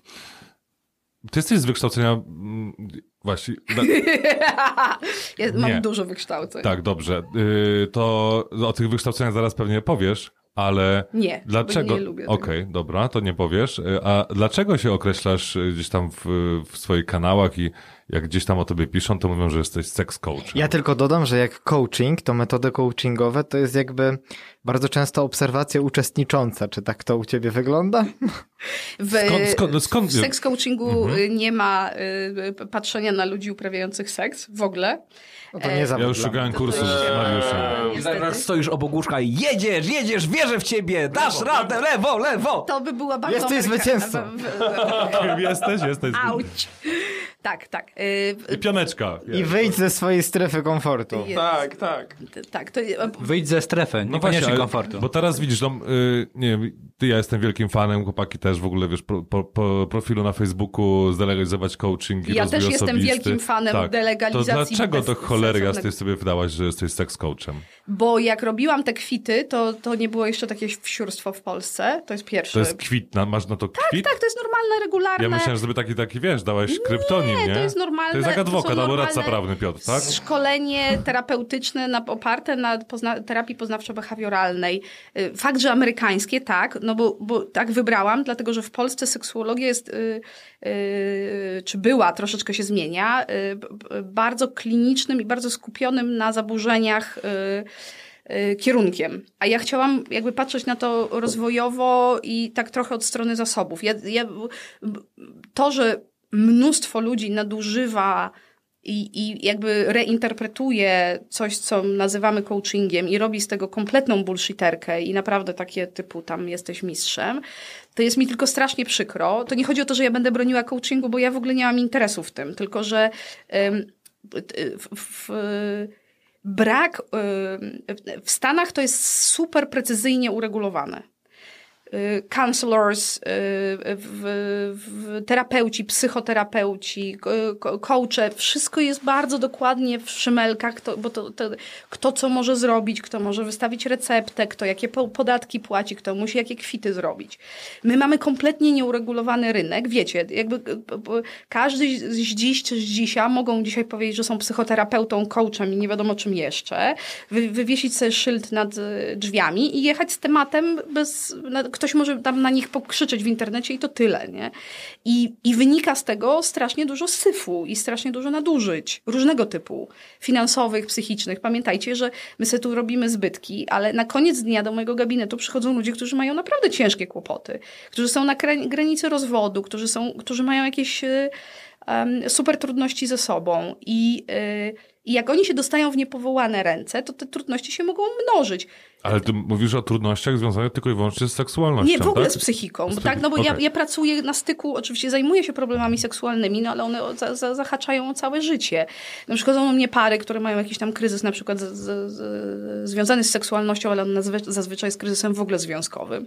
I to jest serio robota tam. To jest naprawdę, w, przepraszam, w chuj nieśmieszne.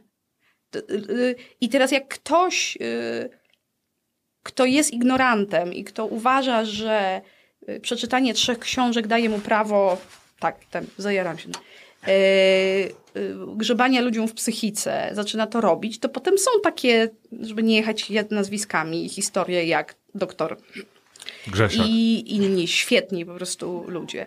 Y, I Coach Mike. Y, nie wiem, no może przynajmniej trochę poczucia humoru, ale y, to, jest, ma. to, jest normalna, to jest normalna ścieżka edukacyjna, skończo, normalnie się robi y, szkołę. Czy to nie jest taka łatka? Nie, Bo- no, normalnie się dostaje kwita. Ten kwit jest różny od europejskiego, bo tam jest inna ścieżka szkolenia w ogóle terapeutów i jakby in, in, inaczej się to robi.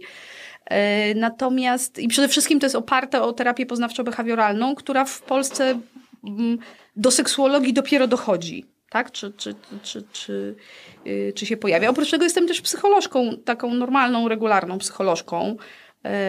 I, mm, I ten sex coaching był po to, żeby, no właśnie, żeby zdobyć, y, wiecie, jakąś, jakąś wiedzę, jakieś doświadczenie, żeby móc ludziom w, tych, w tej psychice grzebać, a nie y, po lekturze po prostu y, y, 365 se- dni. dni uważać się za eksperta 50 twarzy Greya. Mm, to w porównaniu z tym. To 50 twarzy Nie miałem- Greya do 365 dni to jest jak ten ranking y, y, korupcji. Y, wiesz, Nie miałem przyjemności ani z jednym, ani z drugim. nie, to nie obcuj, bo z, z, z, coś ci się w mózgu zrobi i potem nawet ja tego nie wyleczę. A To, to, to już myślę, że za późno. Ale y, wracając, do, bo y, y, często gości pytam o y, autorytety. Autorytety, nie wiem, czy to jest dobre słowo, autorytety. No, sama odpowiesz. I Jeżeli y, w Polsce powiesz, y, nie wiem, seksuologia, to pierwsze, co przychodzi na myśl, Lew, Lew Starowicz. Przychodzi. I, i, i, Dobrze czy źle? I nie, nie ma, że dobrze, nie ma, że Cze- źle. Czemu? No, jesteś, uważasz go za z, autorytet, czy nie? Uważam go za autorytet, ponieważ wiele osób uważa go za autorytet. To nie musi być moim autorytetem. A jest, a, a dla ciebie, jak ty go Nie, odbierasz? nie, znaczy, ja nie mam mm, osoby. To nie jest ten rodzaj mówienia o seksualności, z którym ja się identyfikuję. Natomiast on zrobił bardzo dużo dla rozwoju seksualno- seksuologii w Polsce. E, I jakby pomijanie go jest głupotą, nie? Jakby honoruje, bo, bo się mnóstwo napracował i, e, i ma gigantyczny wkład i szkoli seksuologów O, e, ja- ja- i ma dużo badań Mhm. i, i mm, no na pewno nie jest, wiecie, domorosłym ekspertem z, po, z mchu i paproci, który w, w, wyskoczył i opowiada jakieś kocopoły. Natomiast to też jest świat, który trochę odchodzi mm, w przeszłość. Do lamusa. Mie, trochę miejmy nadzieję. Nie sam y, profesor, który jest aktywny intelektualnie i, i, jest w ogóle bardzo fajnym człowiekiem, tylko jakby to jest taki o, m, przeżywanie, myślenie, komentowanie seksualności, które już powoli jest trochę passé. I pojawiają się nowe rzeczy, nowe trendy. Zresztą zarówno profesor, jak i jego syn, y, którzy mają szkołę dla seksuologów w Warszawie, trochę y, próbują to jakoś eksploatować, że my zaczynamy w ogóle inaczej myśleć i mówić o seksualności. I to jest y, taki transformacyjny kawałek, który się dzieje. W Polsce to jest tak jak mój biznes 20 lat do tyłu, ale czy jesteśmy, ale y, świat się zajmuje seksualnością już nie jako takim tabu, y, trochę żenadą, trochę pornosem, tylko zaczyna się zajmować seksualnością jako normalnym kawałkiem ludzkiego takiego krajobrazu y, psychicznego. W 2002 roku WHO dodało do, y, do, tych takich swoich wytycznych, Światowa Organizacja Zdrowia do tych swoich wytycznych, że, że jakby y, psychos... całe życie seksualne, rozwój seksualności jest tak samo ci potrzebny do zdrowia i dobrostanu, jak dobre zdrowie psychiczne, związki, bezpieczne środowisko, w którym żyjesz, y, stabilna praca, przyszłość i tak dalej. Także już jakby mówimy o takim świecie, w którym m- mówimy o, nie wiem, równości zarobków, y, wiecie, dostępie do wy- y, y, nowoczesnych technologii i normalnym rozwoju seksualności jako, jako czy- czymś, co się nam należy jak psumiska. I, I jakoś ja się z tym mocno identyfikuję y, w tym, w tym co ja robię, no po prostu. Przedsiębiorcy z wyboru. Podcast dla naznaczonych biznesem. Teraz całkowicie na serio, nie? To mówimy, że to powiemy o czymś, co, co sama mówi, że na koniec dnia jest coś w chuj nieśmieszne albo w chuj niezabawne. Czy trafiają do ciebie osoby, które mają problemy właśnie z seksualnością przez swoje życie zawodowe? W sensie na... 90%.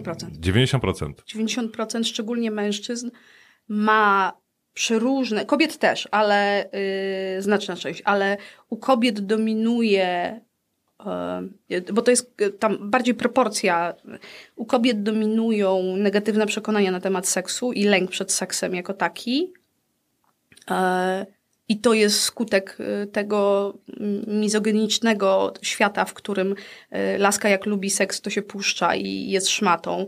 A najlepiej, żeby była taka, że do ślubu czysta, a potem dziwka, ale tylko z jednym facetem. Natomiast facet im więcej, tym lepiej i ten. Y, Bo to jest super niebezpieczne środowisko do rozwoju seksualności dla kobiet. Em, I jak panowie narzekacie, i to powiem totalnie serio, jak narzekacie na to, że kobiety, z którymi się spotykacie, są drętwe w seksie, to idźcie i zmieniajcie postawy facetów do seksu. Jak my się będziemy czuły bezpiecznie, to będziemy robiły takie rzeczy, że wam po prostu oko zbieleje. A jak jesteśmy zastraszone tym, że kilka komentarzy y, na temat naszego prowadzenia się może nam zniszczyć reputację albo, nie wiem, doprowadzić do mobbingu w pracy czy cokolwiek, to się trzymamy na wodzy. Jak się trzymamy na wodzy, to się trzymamy wszędzie. I, y, i to jest główny powód, dla, dla którego laskom trudno.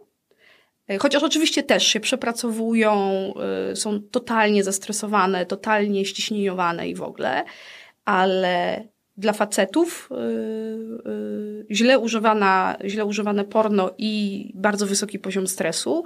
To są dwa overkille, zarówno na, y, na libido, jak i po prostu na możliwość robienia czegokolwiek, czyli no, mm, zaburzenia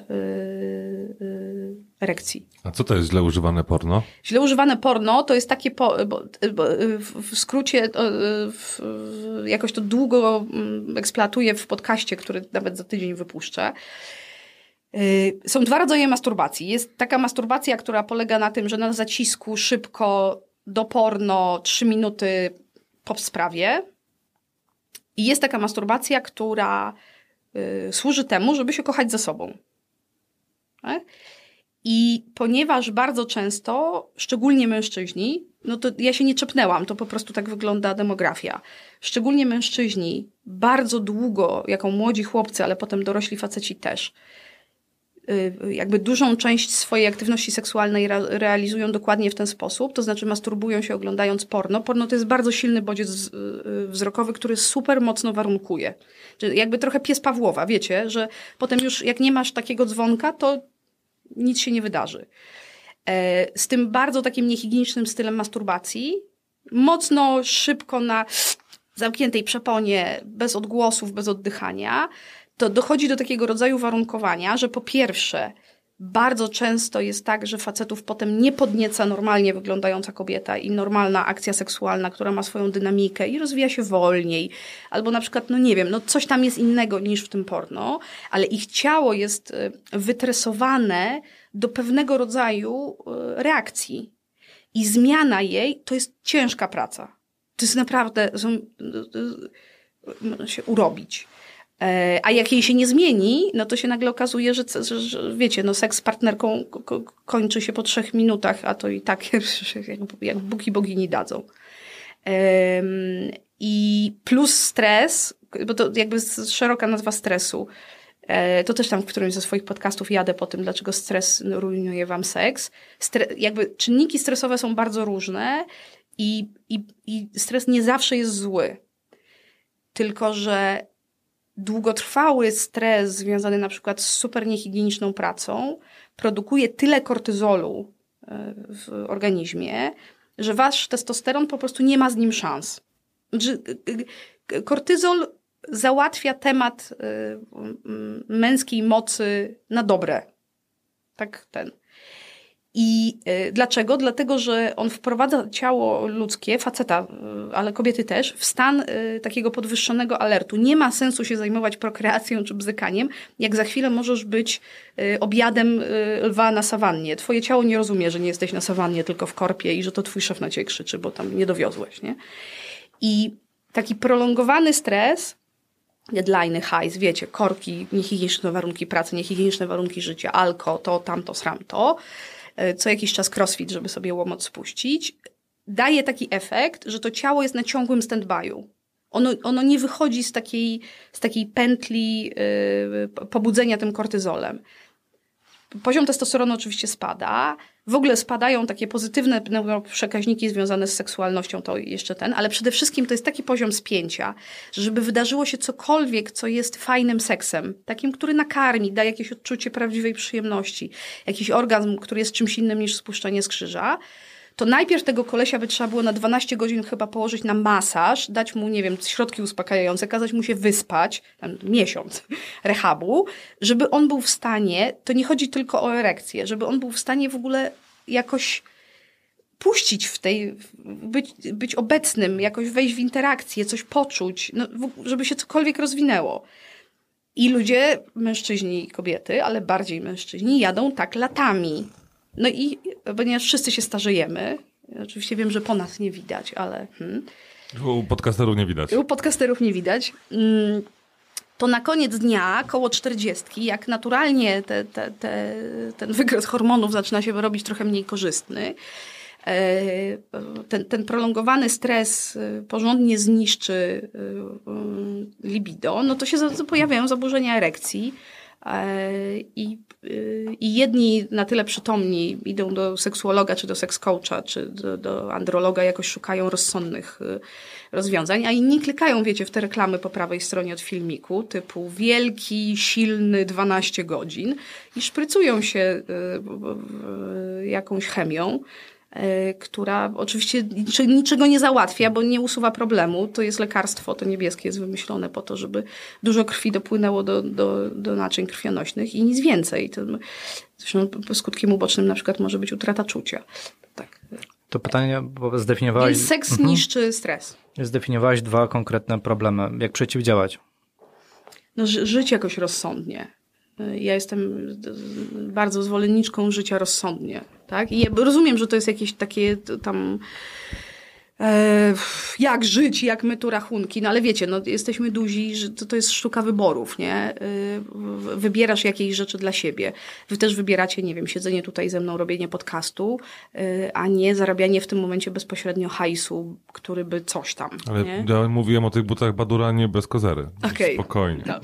E, cie- Cieszę się twoim szczęściem, że no, no po prostu, no, y, ja mam taką myśl, że w ogóle ludzie zaczynają się serio zajmować, nie wiem, swoim zdrowiem psychicznym czy fizycznym dopiero jak zaczynają bardzo chorować i że No to Polacy E, tak mamy chyba, tak, tak? że- że- Znaczy, nie wiem, że- czy tylko Polacy, ale tak obserwując to. to... na, Polacy na pewno I, y, i w związku z tym ja unikam y, pomysłów, y, znaczy inaczej, ja jestem bardzo za profilaktyką, ale wiem, że nie działa, że najlepiej działa jak po prostu pojawi się pierwszy wskaźnik y, zawałowy, albo właśnie zaburzenia erekcji, albo jakieś tego typu historie i wtedy rozum się nagle cudownie pojawia i, zaczynamy się zajmować swoim życiem. Ale nie wiem, nie, przy, przy, przykład, mierzyć co jakiś czas testosteron, czy w ogóle jest sens? No, to w ogóle należy do podstawowego pakietu ba- badań. Te dwie frakcje testosteronu po 40 się to powinno robić, ale to nie tylko jest testosteron, wiecie, bo na przykład można mieć w porządku testosteron, ale mieć tak y, spięte ciało i ono może być sprawne fizycznie, tylko ono jest tak spięte i tak niezdolne do czucia czegokolwiek, że naprawdę wrażenie na takim delikwencie zrobi tylko cios młotkiem. I to najlepiej dobrze wycelowany bo to jest jak z kończyną, yy, z całym ciałem jak z kończyną. Jak ona jest bardzo napięta, to możliwość przeżywania jakichś bodźców sensorycznych dramatycznie spada. Więc yy, no po prostu jakoś rozsądnie żyć do cholery.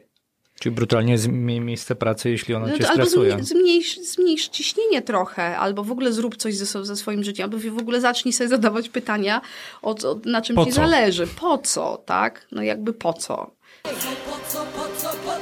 Czy to chodzi o to, żeby mm, wygrać kolejny kontrakt, bo naprawdę potrzebujesz pieniędzy, żeby zapłacić rachunki, czy to raczej łechcze twoje ego yy, i, i, i zasila inne kawałki? I rozmawiałem kiedyś ze znajomym lekarzem, który powiedział, że w Polsce profilaktyki praktycznie w ogóle nie ma. To potwierdza zupełnie w 100% to, co ty mówisz. Mówi, że to jest bardzo proste, że można byłoby naprawdę uniknąć wielu chorób. Są choroby, których się nie da uniknąć w ten sposób. Eee, natomiast e, no, naprawdę elementarna wiedza, na przykład zestaw badań wieku 30, 35, 40, 45, 50, no po prostu to, są, to, to nie jest tajemnica, już 20 lat przynajmniej wiadomo, jakie badania w jakim wieku należy robić i można byłoby wyeliminować połowę, jak nie więcej, wszystkich schorzeń, tylko właśnie po to, że prze, przez to, że nie było tej profilaktyki. Natomiast to, co mówisz, nie zgodzę się z tobą, yy, albo nie, może, może nie, czyli Odważnie, odważnie. Zgadzam się z tobą, A, to ale, ale, ale, ale, ale, ale, nie, nie, zgadzam się z tobą, yy, tylko to nie jest takie łatwe, żeby zmienić. Ale w ogóle życie jest To- trudne, Piotr, znaczy, wiesz? No, no nie, naprawdę, serio. I, nie, i nie. pełne wyzwań. E, Też, te, też bez przesady, ale no, tak jak mówisz, ci ludzie nie są w stanie, no co, rzucić pracę, jak to jest ich, ich jedyna praca, no to nie, ma- nie ma, ludzie nie mają y, często komfortu, żeby o tym myśleć, tak? Ale, Oczywiście, ale mm, czasem, dobra, czasem... dobra, tylko że ci sami ludzie chodzą po sieci i, i szukają przepisów, co jeść, żeby sperma miała dobry smak, a nie zajmują się tym, co jeść, żeby nie mieć żył zatkanych y, złogami cholesterolowymi, które ich doprowadzą do cukrzycy, miażdżycy i zaburzenia erekcji. Rozumiesz? To jest, sorry, myśleć, kurwa. No dobra, mówisz o jakiej części, a co z, częścią ludzi, którzy po prostu nie mają takiego komfortu, nie mogą sobie pozwolić na zmianę pracy i wiesz, zapierdzielają od rana do wieczora, E, Potem mają problemy z erekcją, bo, e, bo tak, no bo, bo są jedynym żywicielem rodziny i zapierdzielają od rana do wieczora, nie mogą zmienić pracy. Ale ja rozumiem. Nie, Ja co- nie uważam, jak- że żyjemy w jakkolwiek... sp- Ale jak im ułatwić? Co oni mają Ale ja nie wiem.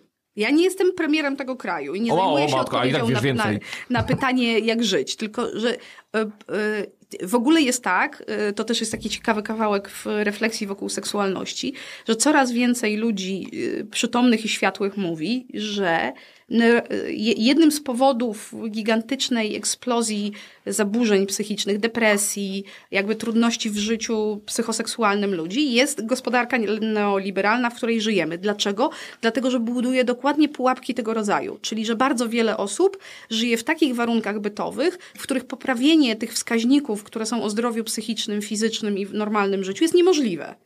I że ten świat jest niesprawiedliwy i to nie chodzi tylko o seks, ale w ogóle i że w ogóle tak nie powinno być. Tylko wiecie, no to jest taka refleksja, która e, ja się czuję trochę za krótka, żeby zmieniać system gospodarczy, ale i, i nie wiem, co ma zrobić człowiek, który przeżywa czy inaczej, uważa, że nie może zmienić swoich warunków, bo tam, nie wiem, na przykład musi bardzo dużo pracować. Em, ja wiem, jak ja pracuję z pojedynczymi osobami, które przychodzą i na przykład są, mają własne firmy i zatrudniają ludzi i mówią, co mi pani chrzani, pani Marto? Przecież ja tego nie mogę zostawić, bo ja mam 200 osób na payrollu i, yy, i nawet jak ja sobie odpuszczę, to tam są ludzie, którzy muszą płacić rachunki i w ogóle, i w ogóle ja może mam komfort i ten. I bardzo dużo roboty na początku idzie, żeby zmienić yy, postawę. Bo małe dostosowania robią bardzo dużą zmianę. I ten, ten, ten facet, czy ta kobieta, która, nie wiem, ma własną firmę, czy mają własne firmy, y, często są to pary, które razem prowadzą biznes i to w ogóle jest clinch, bo oni, wiecie, to jest tak, że ciężko się wyrwać, bo jest jeszcze taka opowieść, że jak ktoś będzie pracował więcej, to ktoś będzie mniej i w ogóle, że dużo jest w małych dostosowaniach, że na przykład ludzie, y, którzy są na menadżerskich stanowiskach, albo mają własne przedsiębiorstwa, przeżywają ten jazd, jazdę z nieomylności, że po prostu jak on nie zrobi, to w ogóle nie będzie zrobione. Jak on nie dopilnuje, polski mikromenadżeryzm, jak on nie dopilnuje, to na pewno nie będzie dopilnowane. Trzeba trochę odpuścić. No trochę, albo na Albo przykład, na mocniej. no, ale jakby coś dostosować. No może być może ktoś może dobrze dopilnować, albo dość dobrze, no ja nie chcę ludziom biznesu ustawiać, bo nie tym się zajmuję, ale wiem z gabinetu, że duża część roboty to jest robota nad tym, jak my pewne rzeczy interpretujemy w świecie, czyli że się wydarza coś tam, a my mamy wokół tego opowieść, że na pewno nie mogę pół godziny mniej pracować dziennie i pójść na spacer. Wiem, głupi, prosty przykład, bo świat się zawali. Nie, świat się nie zawali, wcale nie jesteś taki ważny.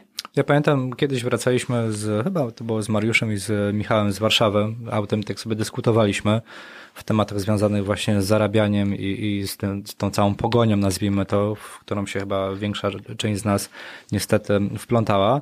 No i jakby taka kwintesencja była w tym kierunku, że no właśnie po co, nie? No bo po, co my zarabiamy? Okej, żeby płacić mm, rachunki, żeby żyć i tak dalej. No ale po co? I po co? Po co, tak?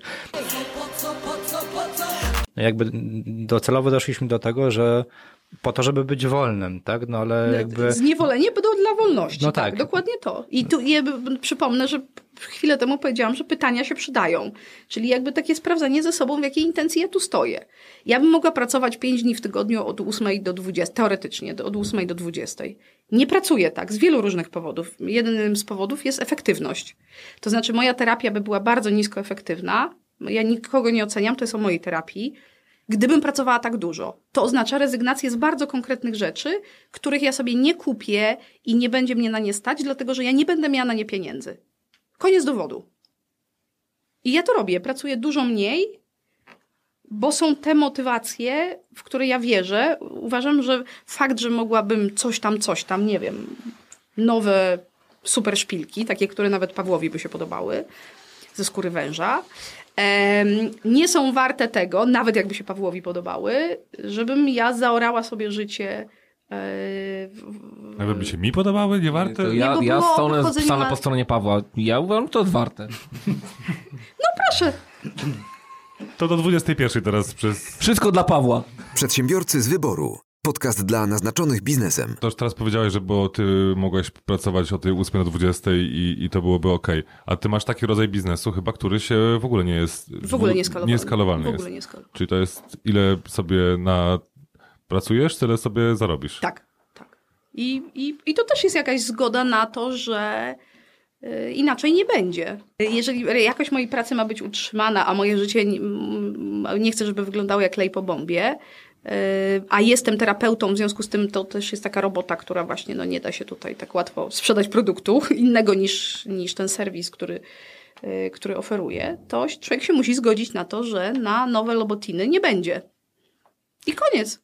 To w takim razie, kontynuując ten wątek, to czemu podcast akurat y, postanowiłeś stworzyć? To jest dla ciebie co? Tuba reklamowa? To jest y, misja, Nie, która... misji. To jest zdecydowanie z misyjnego kawałka. Bo ty prezentujesz treści, które, za, za które normalnie, po pierwsze, trudno je dostać bezpłatnie, po drugie, jak już się je dostaje, nawet płatnie, to nie są tanie rzeczy. Tak.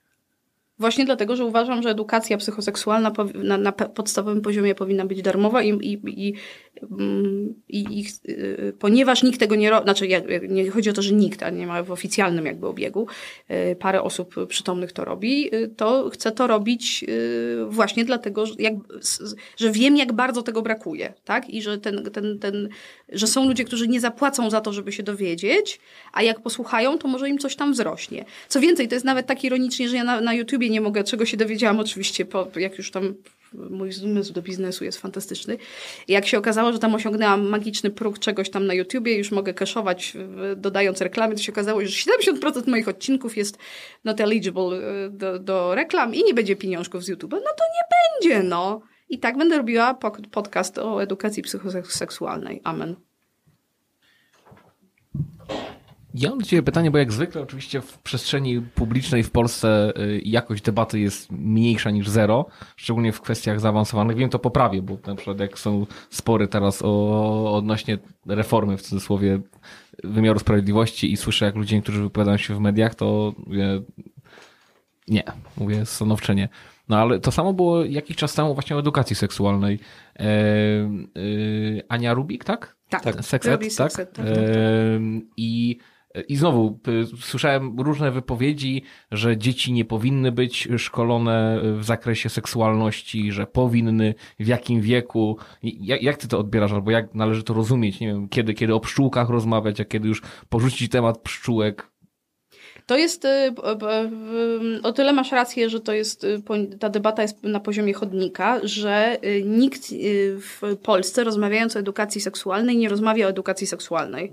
Ścierają się dwa obozy. Jeden obóz konserwatywny, dla którego utrzymanie status quo ideologiczno-religijnego jest celem. Edukacja seksualna jest środkiem do celu, bądź jej brak. E, mhm. Sorry, uważasz, że to jest status quo?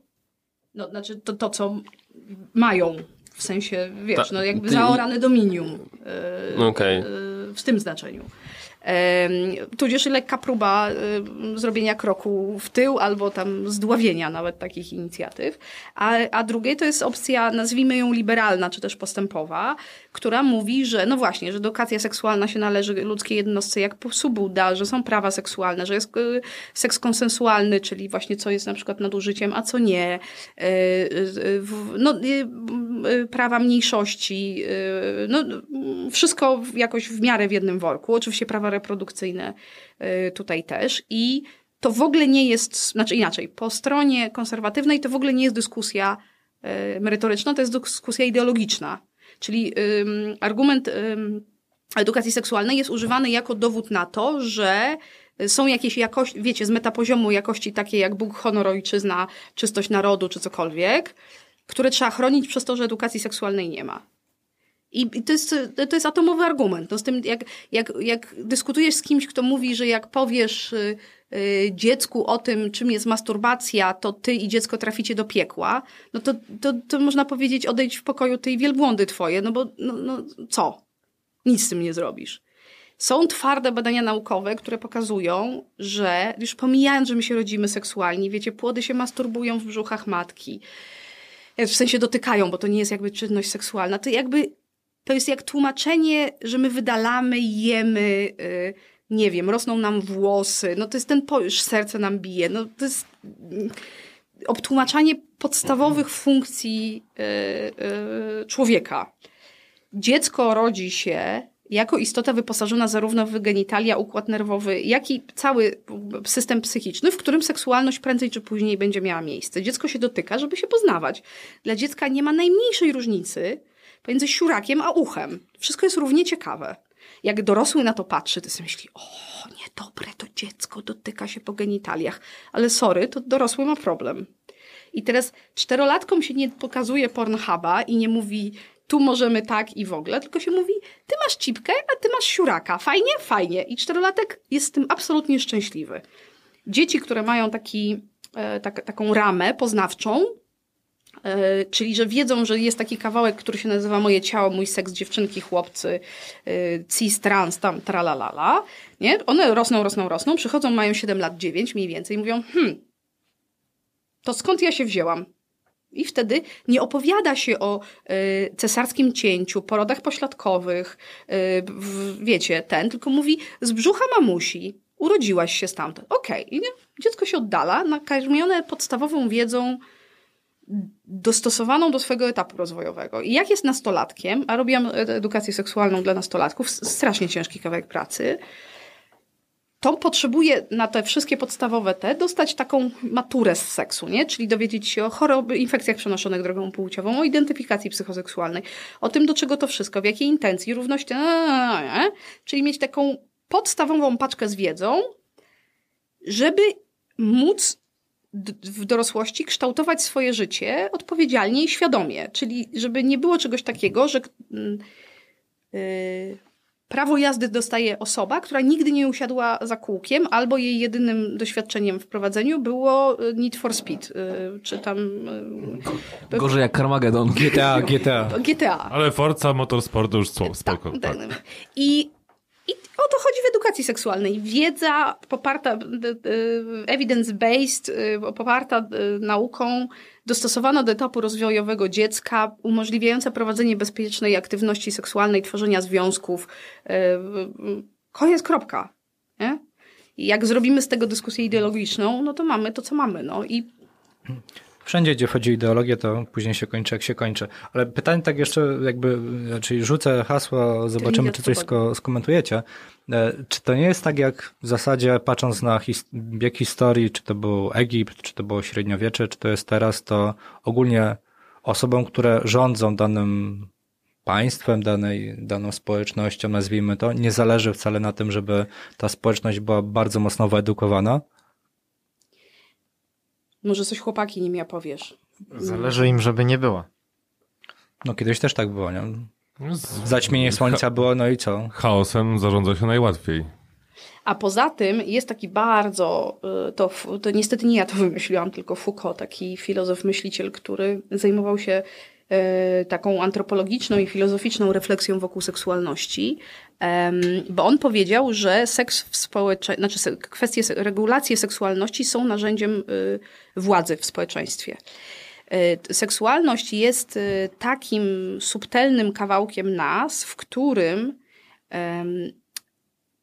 bar, ten, ten rozwój potrzebuje być traktowany bardzo delikatnie. Co mam na myśli? Jeżeli rośniemy i w, sposób mm, nieświadomy zbieramy przekazy z kultury dotyczące tego właśnie, co nam dzisiaj wypływa, na przykład co faceci, co kobiety, jak seks heterycki, jak seks nieheterycki wygląda, coś tam, to my nimi nasiąkamy w sposób nieświadomy. I to organizuje naszą przestrzeń psychiczną i nasze czucie e, jakby bez naszej wiedzy. Dopóki nie usiądziemy i nie zadamy sobie tego pytania, co mi się w głowie myśli, to nam się myśli bez naszego udziału. Czyli na przykład myślimy, że e, facet e, dobry w łóżku to jest ten, który ma dużego. No i no, duża część mężczyzn tak myśli, duża część kobiet też tak myśli. Nie pytamy o to, skąd nam się ta myśl w głowie wzięła ta ingerencja kultury, która może być bardzo mocno sprzężona z polityką i religią, co widać bardzo dobrze w Polsce, może być niezwykle głęboka. E, przykładem jest masturbacja, która piętnowana przez religię ciągle jest przeżywana przez jakąś część ludzi jako coś trudnego, wstydliwego, niewłaściwego. I teraz, ponieważ to jest bardzo subtelny kawałek nas, no bo umówmy się, gdzie nas świat może najbardziej zranić, jak nie w kwestiach takiej intymności, tych najbliższych relacji czy seksu. No, jak pójdziecie do roboty i ktoś wam powie, że, jest, że, że jesteście idiotami i się do niczego nie nadajecie, to, yy, to się wam może zrobić przykro, ale pomyślicie, co za but. Yy, I no, no nie, może nie od razu możecie wyjść, a może możecie wyjść, ale jakby ten ból psychiczny, który z tego wynika, jest niewielki.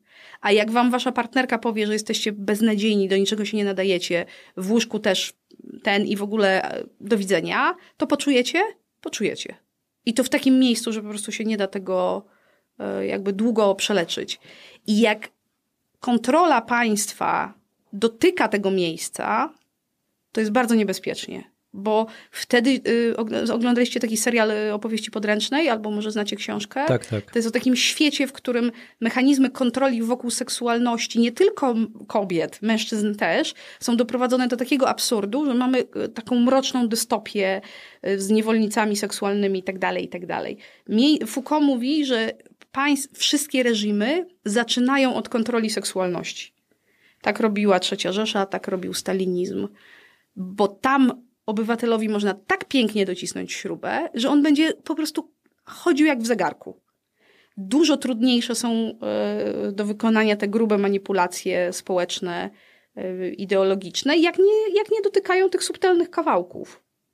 No, przy rozwodach się państwo pyta, czy na pewno już nie chcecie ze sobą być. To też jest głupota, nie? A teraz chcę Nie tak tylko żartujemy. porno. Wpadliśmy tu na heheszki. Tak. Przedsiębiorcy z wyboru. Podcast dla naznaczonych biznesem. Ja trochę klamrą e, chciałem spiąć tutaj ten odcinek, bowiem... O, o, a jednak. Je, jednak Sodomasa, tak jest. Bowiem e, to jest troszkę to, od czego zaczęliśmy. Że chłopaki tutaj, e, gdy przyszliście, zaczęły się żalić, że w aucie im zrobiłeś im fragment psychoanalizy. Sami się prosili. No Pra, właśnie. pranie mózgu. I, e, I trochę to tutaj u nas też było widać, że mamy pewien rodzaj blokady w rozmowie z osobą, która jest terapeutą, że właściwie wszystko, co możemy, powie co powiemy, będzie wykorzystane przeciwko nam. I czy to nie jest tak, że tak często jest właśnie, że ludzie w ten sposób mają i to nie, nie blokuje ci trochę i klientów, i, i, i twoich rozmówców, i, i też odbiorców ogólnie, tak? Że trochę strach się przy tobie odezwać, bo no, o, już od razu wszyscy wiemy, że Mariusz miał problemy, tak? Z- W dzieciństwie i tak dalej, prawda? Tak. jechaliśmy z tego, co pamiętam, ale Nie, dobrze. nie, nie, my sobie wybieramy dzisiaj, tak. E, A chcesz e, serię odpowiedź czy hehe? E, jedną i drugą. Zacznijmy od... E, Heheszek, bo ja po prostu jestem wredna. Jestem bystra. Ale to widać, no, I, to- I tak to jest, że jak się ze mną wchodzi w interakcję, to się człowiek naraża na to, że. e, Jak, Wie- wiedźma jak taka. Chrzani, to se coin to you witch. Em, y, to- to zostanie z plaskacza, koniec. A poważnie, y, bardzo, y, to, to dlatego ten Foucault i ta delikatność i ten terror y, społeczny został tu przeze mnie przywołany. Jak się przychodzi do gabinetu, to jedną z podstawowych rzeczy jest zrozumienie, czy w ogóle to jest bardzo ważne, ale jak się przychodzi do gabinetu, czy terapeuty, czy psychoterapeuty, czy seksuologa, jest zrozumienie, że ta interakcja i to, co się o sobie mówi, oczywiście, że to podlega interpretacji jakiemuś procesowi, który, którym steruje trochę terapeuta, chociaż wcale nie tak bardzo, ale przede wszystkim, że w tych kawałkach, w których my się w cudzysłowie do czegoś przyznajemy, mieszka bardzo duża wiedza o nas samych. To znaczy, że my normalnie, jak chodzimy po świecie, to bardzo wielu rzeczy nie mówimy ludziom, dlatego że się wstydzimy, boimy, boimy się, że nas zranią, uważamy, że to jest jakieś, nie? Chowamy się. A jak idziemy do terapeuty, to na początku się oczywiście chowamy i ten proces wychodzenia ze skorupki jest dosyć długi i on taki ma być i to jest w porządku. Tylko potem się uczymy, że jak powiemy, że coś było dla nas jakieś i terapeuta powie, ok, ale czy ci się nie wydaje, że to mogło cię jakoś ograniczać na przykład, ten, albo ci coś zabrać, to on tego nie mówi dlatego, że ty jesteś głupi, albo on cię uważa za głupiego, albo on cię w ogóle jakoś chce umniejszyć, tylko on chce, żebyś ty poczuł i zrozumiał szerszy kontekst tego, w czym się znajduje. Na początku to wygląda trochę jak moje przepychanki z Piotrem, pod tytułem czytam czasem coś tam, to jak złośliwości. Znaczy oczywiście w gabinecie tak nigdy nie jest, że tutaj sobie pozwalamy na bardzo nieformalną rozmowę z osobistymi Nieformalną. Nie wycieczkami. no, jakby ci płacił jeszcze byś mnie obrażała, to już no, najgorzej. Mamy To nieformalny... też jest king. No i doszliśmy do kolejnych fantazji seksualnych. Powiedz ale mi coś e, i w gabinecie to tak. musi być bezpieczne. No ale Przyszło. myśmy się nie umawiali, my się umawialiśmy na jajcarską rozmowę, a nie na psychoterapię, więc e, inna konwencja. W gabinecie jest tak, że to odsłanianie jest elementem jakby opiekowania się sobą, uczenia się czegoś o sobie i ten terapeuta nie jest intruzywny i on ci nie mówi, jesteś głupi, bo uważasz, że coś tam, tylko mówi, czy to, co uważasz, na pewno jest dla ciebie dobre Czy to uważasz, że to pewnie jest głupie? Albo czy, czy działa dla ciebie, tak? I y, to trochę jak w tym dowcipie masturbacji, że przychodzi mężczyzna do lekarza z bardzo obitym penisem i lekarz go pyta, panie, co tu się stało? On mówi, no ja się tak masturbuję, że uderzam mm, mm, tłuczkiem w- swojego penisa. I lekarz go pyta, panie, ale panu to sprawia przyjemność? Tak, jak nie trafię. I y, terapeuta się nie zastanawia, czy, on, czy to jest ok. Czy to jest okej, y, jak, y, że on tego tłuczka używa, tylko pyta, a, a, a pan to lubi? To dobre jest dla pana? I, i, klient czy pacjent, zależy od szkoły terapeutycznej, różne nazewnictwo, A mówi, ty masz klientów czy pacjentów? ja mam klientów. E, w, w, mówi, no tak, jak nie trafię. A, a reszta boli, tak? Boli. A ma boleć? No nie. To po co pan to robi, nie? Można by ten dowcip tak po- podprowadzić. I, e, I że to w ogóle nie chodzi o wiwisekcję. Że to, to, to w terapii zupełnie nie o to chodzi. No ale trudno, żebyśmy tutaj, wiecie, jakoś e, utrzymując pewien standard jajcarskiej rozmowy, e, mm, zajmowali się tym psychoterapeutycznie. No. Jajcarskiej, ale z dużą dawką merytoryki. A, dziękuję bardzo. Bo mądra też jestem. My też. Dlatego to była y, obopólna przyjemność. Tak. I cały czas nie trafialiśmy tym młotkiem. Tak. Tłuczkiem. Tłuczkiem. Przedsiębiorcy z wyboru. Podcast dla naznaczonych biznesem. Jakie się pojawiają syndromy, które powinny nam zapalić taką żółtą lampkę na zasadzie, że coś się dzieje nie tak? W sensie... y, Patrząc na seksualność na przykład naszą. o, o, obie, objawy. mm, objawy, Tak? mhm. Y, no na pewno trudności, takie fizjologiczne trudności w, nie wiem, na przykład w osiągnięciu orgazmu albo erekcji. Y, to jest takie Ale to mówmy też o, o obu płciach. Tak, no bo orgazmu Mhm. też, jakby u kobiet i u mężczyzn. E, Bardzo ciekawym y, y, symptomem jest, jeżeli przedtem się kochaliśmy, mieliśmy seks, który był taki, że jednak tam się coś działo, powiedzmy, emocjonalnie, sensualnie, a nagle czujemy tylko podniecenie i ono jest takie e, krótkie, słabe i nie doprowadza do specjalnych y, wodotrysków, e, to też. Yy, No na pewno jakieś lęki, takie typu, że tam, nie wiem, idziemy do łóżka z kimś i zamiast bycia, w, robienia tych rzeczy, to mamy listę zakupów, czyli umysł nam ucieka, nie? To jest jakieś, to jest lękowe. Ma, co ja mam na jutro do roboty, ale co, a, a to ten, to znaczy, że coś się dzieje. Yy, No, Gło- Głowa mnie boli, tak? tak, y, takie zdecydowane wypięcie z seksu, czyli że na przykład y, mijają miesiące, a my nie czujemy y, zainteresowania bliskością seksualną. Bo to może być chwilowe, bo przemęczenie, bo coś tam, bo nie wiem, choroby, stresy, da, da, da, małe dzieci, a może to być jakiś objaw czegoś więcej. Em, ale ja bym w ogóle, bo to jest dobre pytanie, tylko ja bym pomyślała, w ogóle trochę je przeformatowała w tym sensie, żebym powiedziała, że tym się trzeba zajmować nie wtedy, jak wiesz, jak nie domaga, tylko zajmować się na co dzień. To znaczy wstawać rano i trochę się siebie pytać, y, co dzisiaj się fajnego w moim życiu psychoseksualnym zdarzy. Odżywiającego, zmysłowego, sensualnego. y, I są takie dni, w których się nic nie zdarzy, a są takie, w których może można o to zadbać. Y, Bo to się, następna rzecz, która się bardzo mocno odbija w przekonaniach ludzi, to to, że się, dobry seks się spontanicznie wydarza, wiecie? O, ale co, co pani tutaj robi? Tak, tak, tak, Piotrek. tak. Tak, tak, że pizza, rozumiem, i te Tak, sprawy. sam, samo przyszło, nie? To nie, nie, nie, jak już, jak to w ogóle, ja nie wiem, czy jest taki etap w życiu, że samo przychodzi, ale jak już jesteśmy duzi, to już na pewno samo nie przychodzi. Trzeba, Czyli się, trzeba, trzeba planować. trzeba i planować, i coś wokół tego porobić, i pokicać, i, i, mm, i to wcale nie odbiera temu seksowi jakości i tej seksualności, e, bo to jest jakiś taki mit spontaniczności, wiecie, że tylko jak drzwi się otwierają i tam, nie? w wybuchach fajerwerków y, wchodzi on albo ona, albo oni, albo tam cokolwiek, y, to wtedy może być jakoś fajnie. No więc y, zupełnie swobodnie można to sobie dobrze wpisać w kalendarz. Przedsiębiorcy z wyboru. Podcast dla naznaczonych biznesem. Chciałem zapytać troszkę o seksualność w biznesie. Bo ogólnie, my już kiedyś dysku, dyskutowaliśmy na ten temat w podcaście, na temat ogólnie relacji damsko-męskich w biznesie, że mamy z tym straszny problem. Od e, tego, że w Polsce się całuje kobiety w ręce, co, co na zachodzie jest nie- niedopuszczalne w jakiś sposób, ale też właśnie takie relacje, no, mm, trochę uprzedmiotowania kobiet w biznesie i mówiliśmy dzisiaj o reklamach z cycem i tak dalej. No ja byś mogła trochę tutaj e, ten temat e, pociągnąć. W... Sex sells.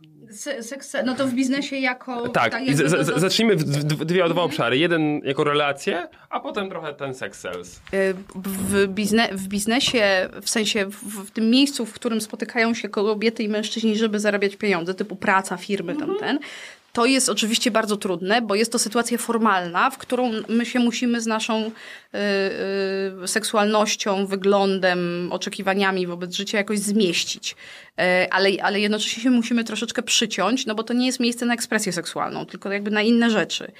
I teraz y, z, z, taki, taka, tak, taki, w takim idealnym świecie to by było tak, że my się odnosimy do siebie w, w miarę. Mm, nie chcę powiedzieć neutralnie, bo to jest nigdy niemożliwe, bo ta, ta, to, czy, ja widzę naprzeciwko siebie mężczyznę czy kobietę, przynajmniej jeżeli chodzi o tą zewnętrzną identyfikację, to mi coś robi. Od razu, tak? To coś zmienia. Ale żebyśmy, no, no właśnie, no, nie, tam nie uprawiali mobbingu, seksistowskich, durnych żartów i tak dalej, i tak dalej. Dlaczego? Bo to nikomu nie służy, a poza tym miesza trochę porządki. Ja jakoś jestem fanką tego, że jak ludzie przychodzą do roboty, to dobrze jakby się robotą zajęli, a nie seksami. No ale też ludzie się w pracy zakochują, łączą w pary, rozwodzą, y, prowadzą wspólnie biznesy będąc w parze. No jakby nie, nie wyjmiemy tego z, z y, rzeczywistości. Więc wracamy trochę do tego, że złota y, zasada, czy jedyna reguła to myśleć. Tak? Jeżeli to jest tak, że jakieś interakcje związane z seksualnością e, w jakimś miejscu zaczynają się robić za bardzo intruzywne, tego jest za dużo, e, to nam przeszkadza albo komuś przeszkadza, no to jakoś to próbować, wiecie, zwentylować, e, obejrzeć. To jakby można o tym gadać. Ja wiem, że Polska to jest takie miejsce, w którym jak się mówi o szkoleniu antydyskryminacyjnym, to wszyscy robią E, Ale to można nawet wprowadzać w język, neutralizując różne pomysły na to, że nie wiem, jak ktoś podaje kawę, to jest to na pewno kobieta, nie? Albo tam na prezentacji, że jak ktoś tam trzyma papierki i laptopa, to jest mężczyzną, a no, no wiecie, że jakoś tak myśleć, po prostu myśleć. Nie wymyślimy, nie stworzymy zło, świętego grala, e, jedynej odpowiedzi na ten, tylko jakoś od, od, odpalać refleksję. No i przede wszystkim kierować się taką zasadą, żeby ze swoją seksualnością jakoś nie włazić ludziom y, na łeb. Y, ym, Na tyle, na ile się da. Przedsiębiorcy z wyboru. Podcast dla naznaczonych biznesem. Dobra, abstrahując troszkę od, ym, od już naszego głównego tematu, bo powiedziałeś, że jesteś wredna. Jasne. Eee, to widać. Potwierdzam. tak, ale nie, nie, my też jesteśmy w studio e, wredni. Akurat mamy ten taki rodzaj już rozmowy, że może, może akurat y, będziemy w stanie trochę to zanalizować. Nie macie, w- im, albo nasze seksualne żarty na przykład, które no nie tylko na tym podcaście. Dzisiaj my no, ogólnie sobie dość mocno, tak, tak, tak, dość, do, do, dość jesteśmy dość swobodni pod tym względem. Mm, Nie masz wrażenia, że to jest e, dostępne tylko dla osób z pewnym dystansem e, do siebie? Bo dzisiaj powiedziałeś, że te seksualne żarty na pewnym etapie, one nie są w porządku, co nie? A dla nas generalnie tutaj wszystko mogłoby wejść i to dalej będzie w porządku, bo my mamy taki dystans tutaj i też tego oczekujemy trochę względem naszych słuchaczy. Bardzo- że bardzo- nie ma tutaj czegoś, czego możemy w jakikolwiek sposób obrazić. Siłą rzeczy siedzimy to w pięciu chłopa i naprawdę nie, nie pamiętam odcinka, w którym nie byłoby jakiegoś homoseksualnego żartu z naszym udziałem. Tak. A na ile się tu znamy, my sobie możemy łatki przyrobić. Yy, nie ma opcji, żeby moim zdaniem, żeby tutaj ktoś faktycznie miał coś przeciwko e, jakiejś innej orientacji, nie tylko homoseksualistom, tak? A, a ciśniemy z tego taką bekę jak ten. I czy to nie jest ten taki rodzaj... Bo Dobra. wiesz, w błoto do pewnego innego powiedzieć, worka włożony. Okej, dobra. To y, rodzaj Mogę przedstawienie tak naprawdę. Y, Mogę, mo, właśnie, to funkcja performatywna w sztuce. Y, Mogę powiedzieć, jak to usłyszałam, Mhm. bo, y, bo nie było Chwila, wprost chwila, chwila. zadanego pytania. Że y, na pewno jest tak, że dystans i taki widz y, y, po- powoduje, że my się mniej identyfikujemy, nie wiem, znaczy jakby mniej przejmujemy sobą, czyli że jak ktoś mi powiedzie, że jestem wredna i, mm, i nie wiem, brzydka, to powiem, no tak, no ale za to mądra. No i pff, Ale, ale obrazicie to? Nie. Nie bardzo. taki dystans, nie, że- nie bardzo. Uważaj I teraz, człowieku. Oczywiście, że można by pewno mi powiedzieć coś takiego, co mnie obrazi, ale, ale raczej w przestrzeni publicznej nikt nie ma mm, dostępu do tych jakości, więc nara. I e, Miłosz Brzęziński fajnie mówi, że lista osób, które mogą do mnie dotrzeć, no tak na palcach jednej ręki, co nie? Tak, Jeszcze i- ułomnego stolarza. Tak, tak, tak.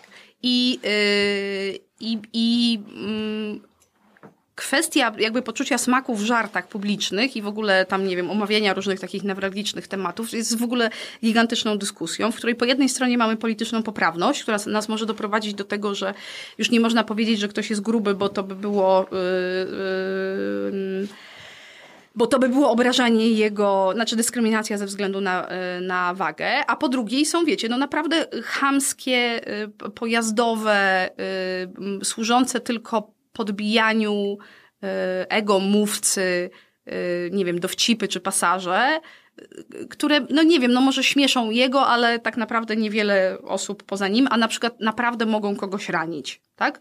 I że gdzieś to jest jak z komedią. Ja mam takie poczucie, że dobra komedia nieustannie balansuje na styku lekkie, lekkiego obrażania kogoś i lekkiego naruszania dobrego smaku. Pamiętacie George'a Carlina? Jego monologi o Bogu, y, o męskim umyśle i tak dalej. On jest, on jest bardzo bystry, był bardzo bystry.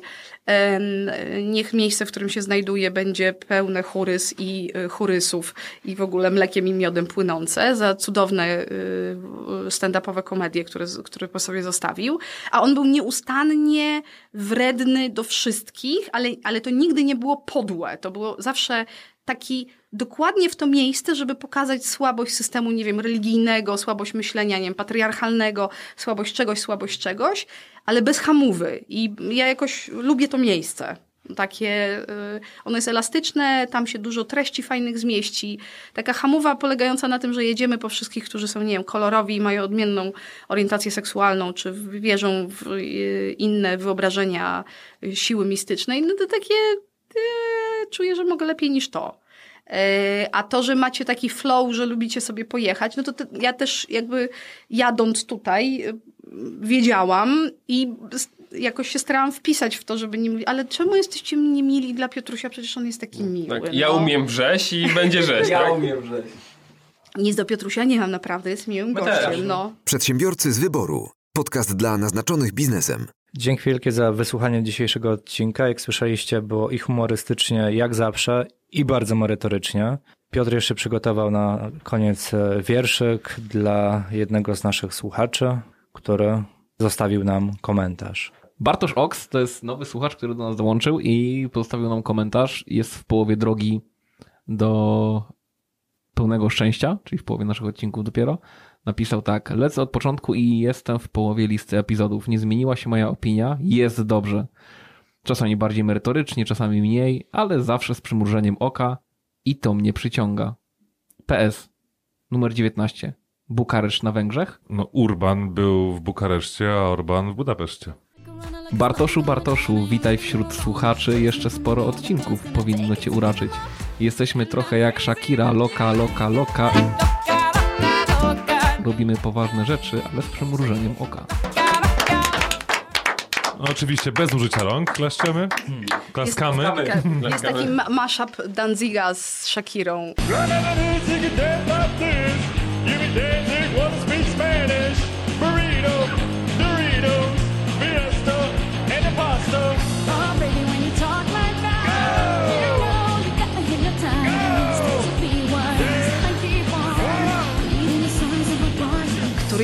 Takim, taką kosą. Dobra, to już wiem, co Dobra. najdziwniejszego zrobiłaś w seksie.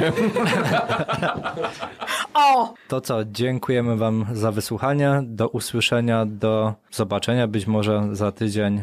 Podzielcie się z nami w komentarzach swoimi najdziwniejszymi.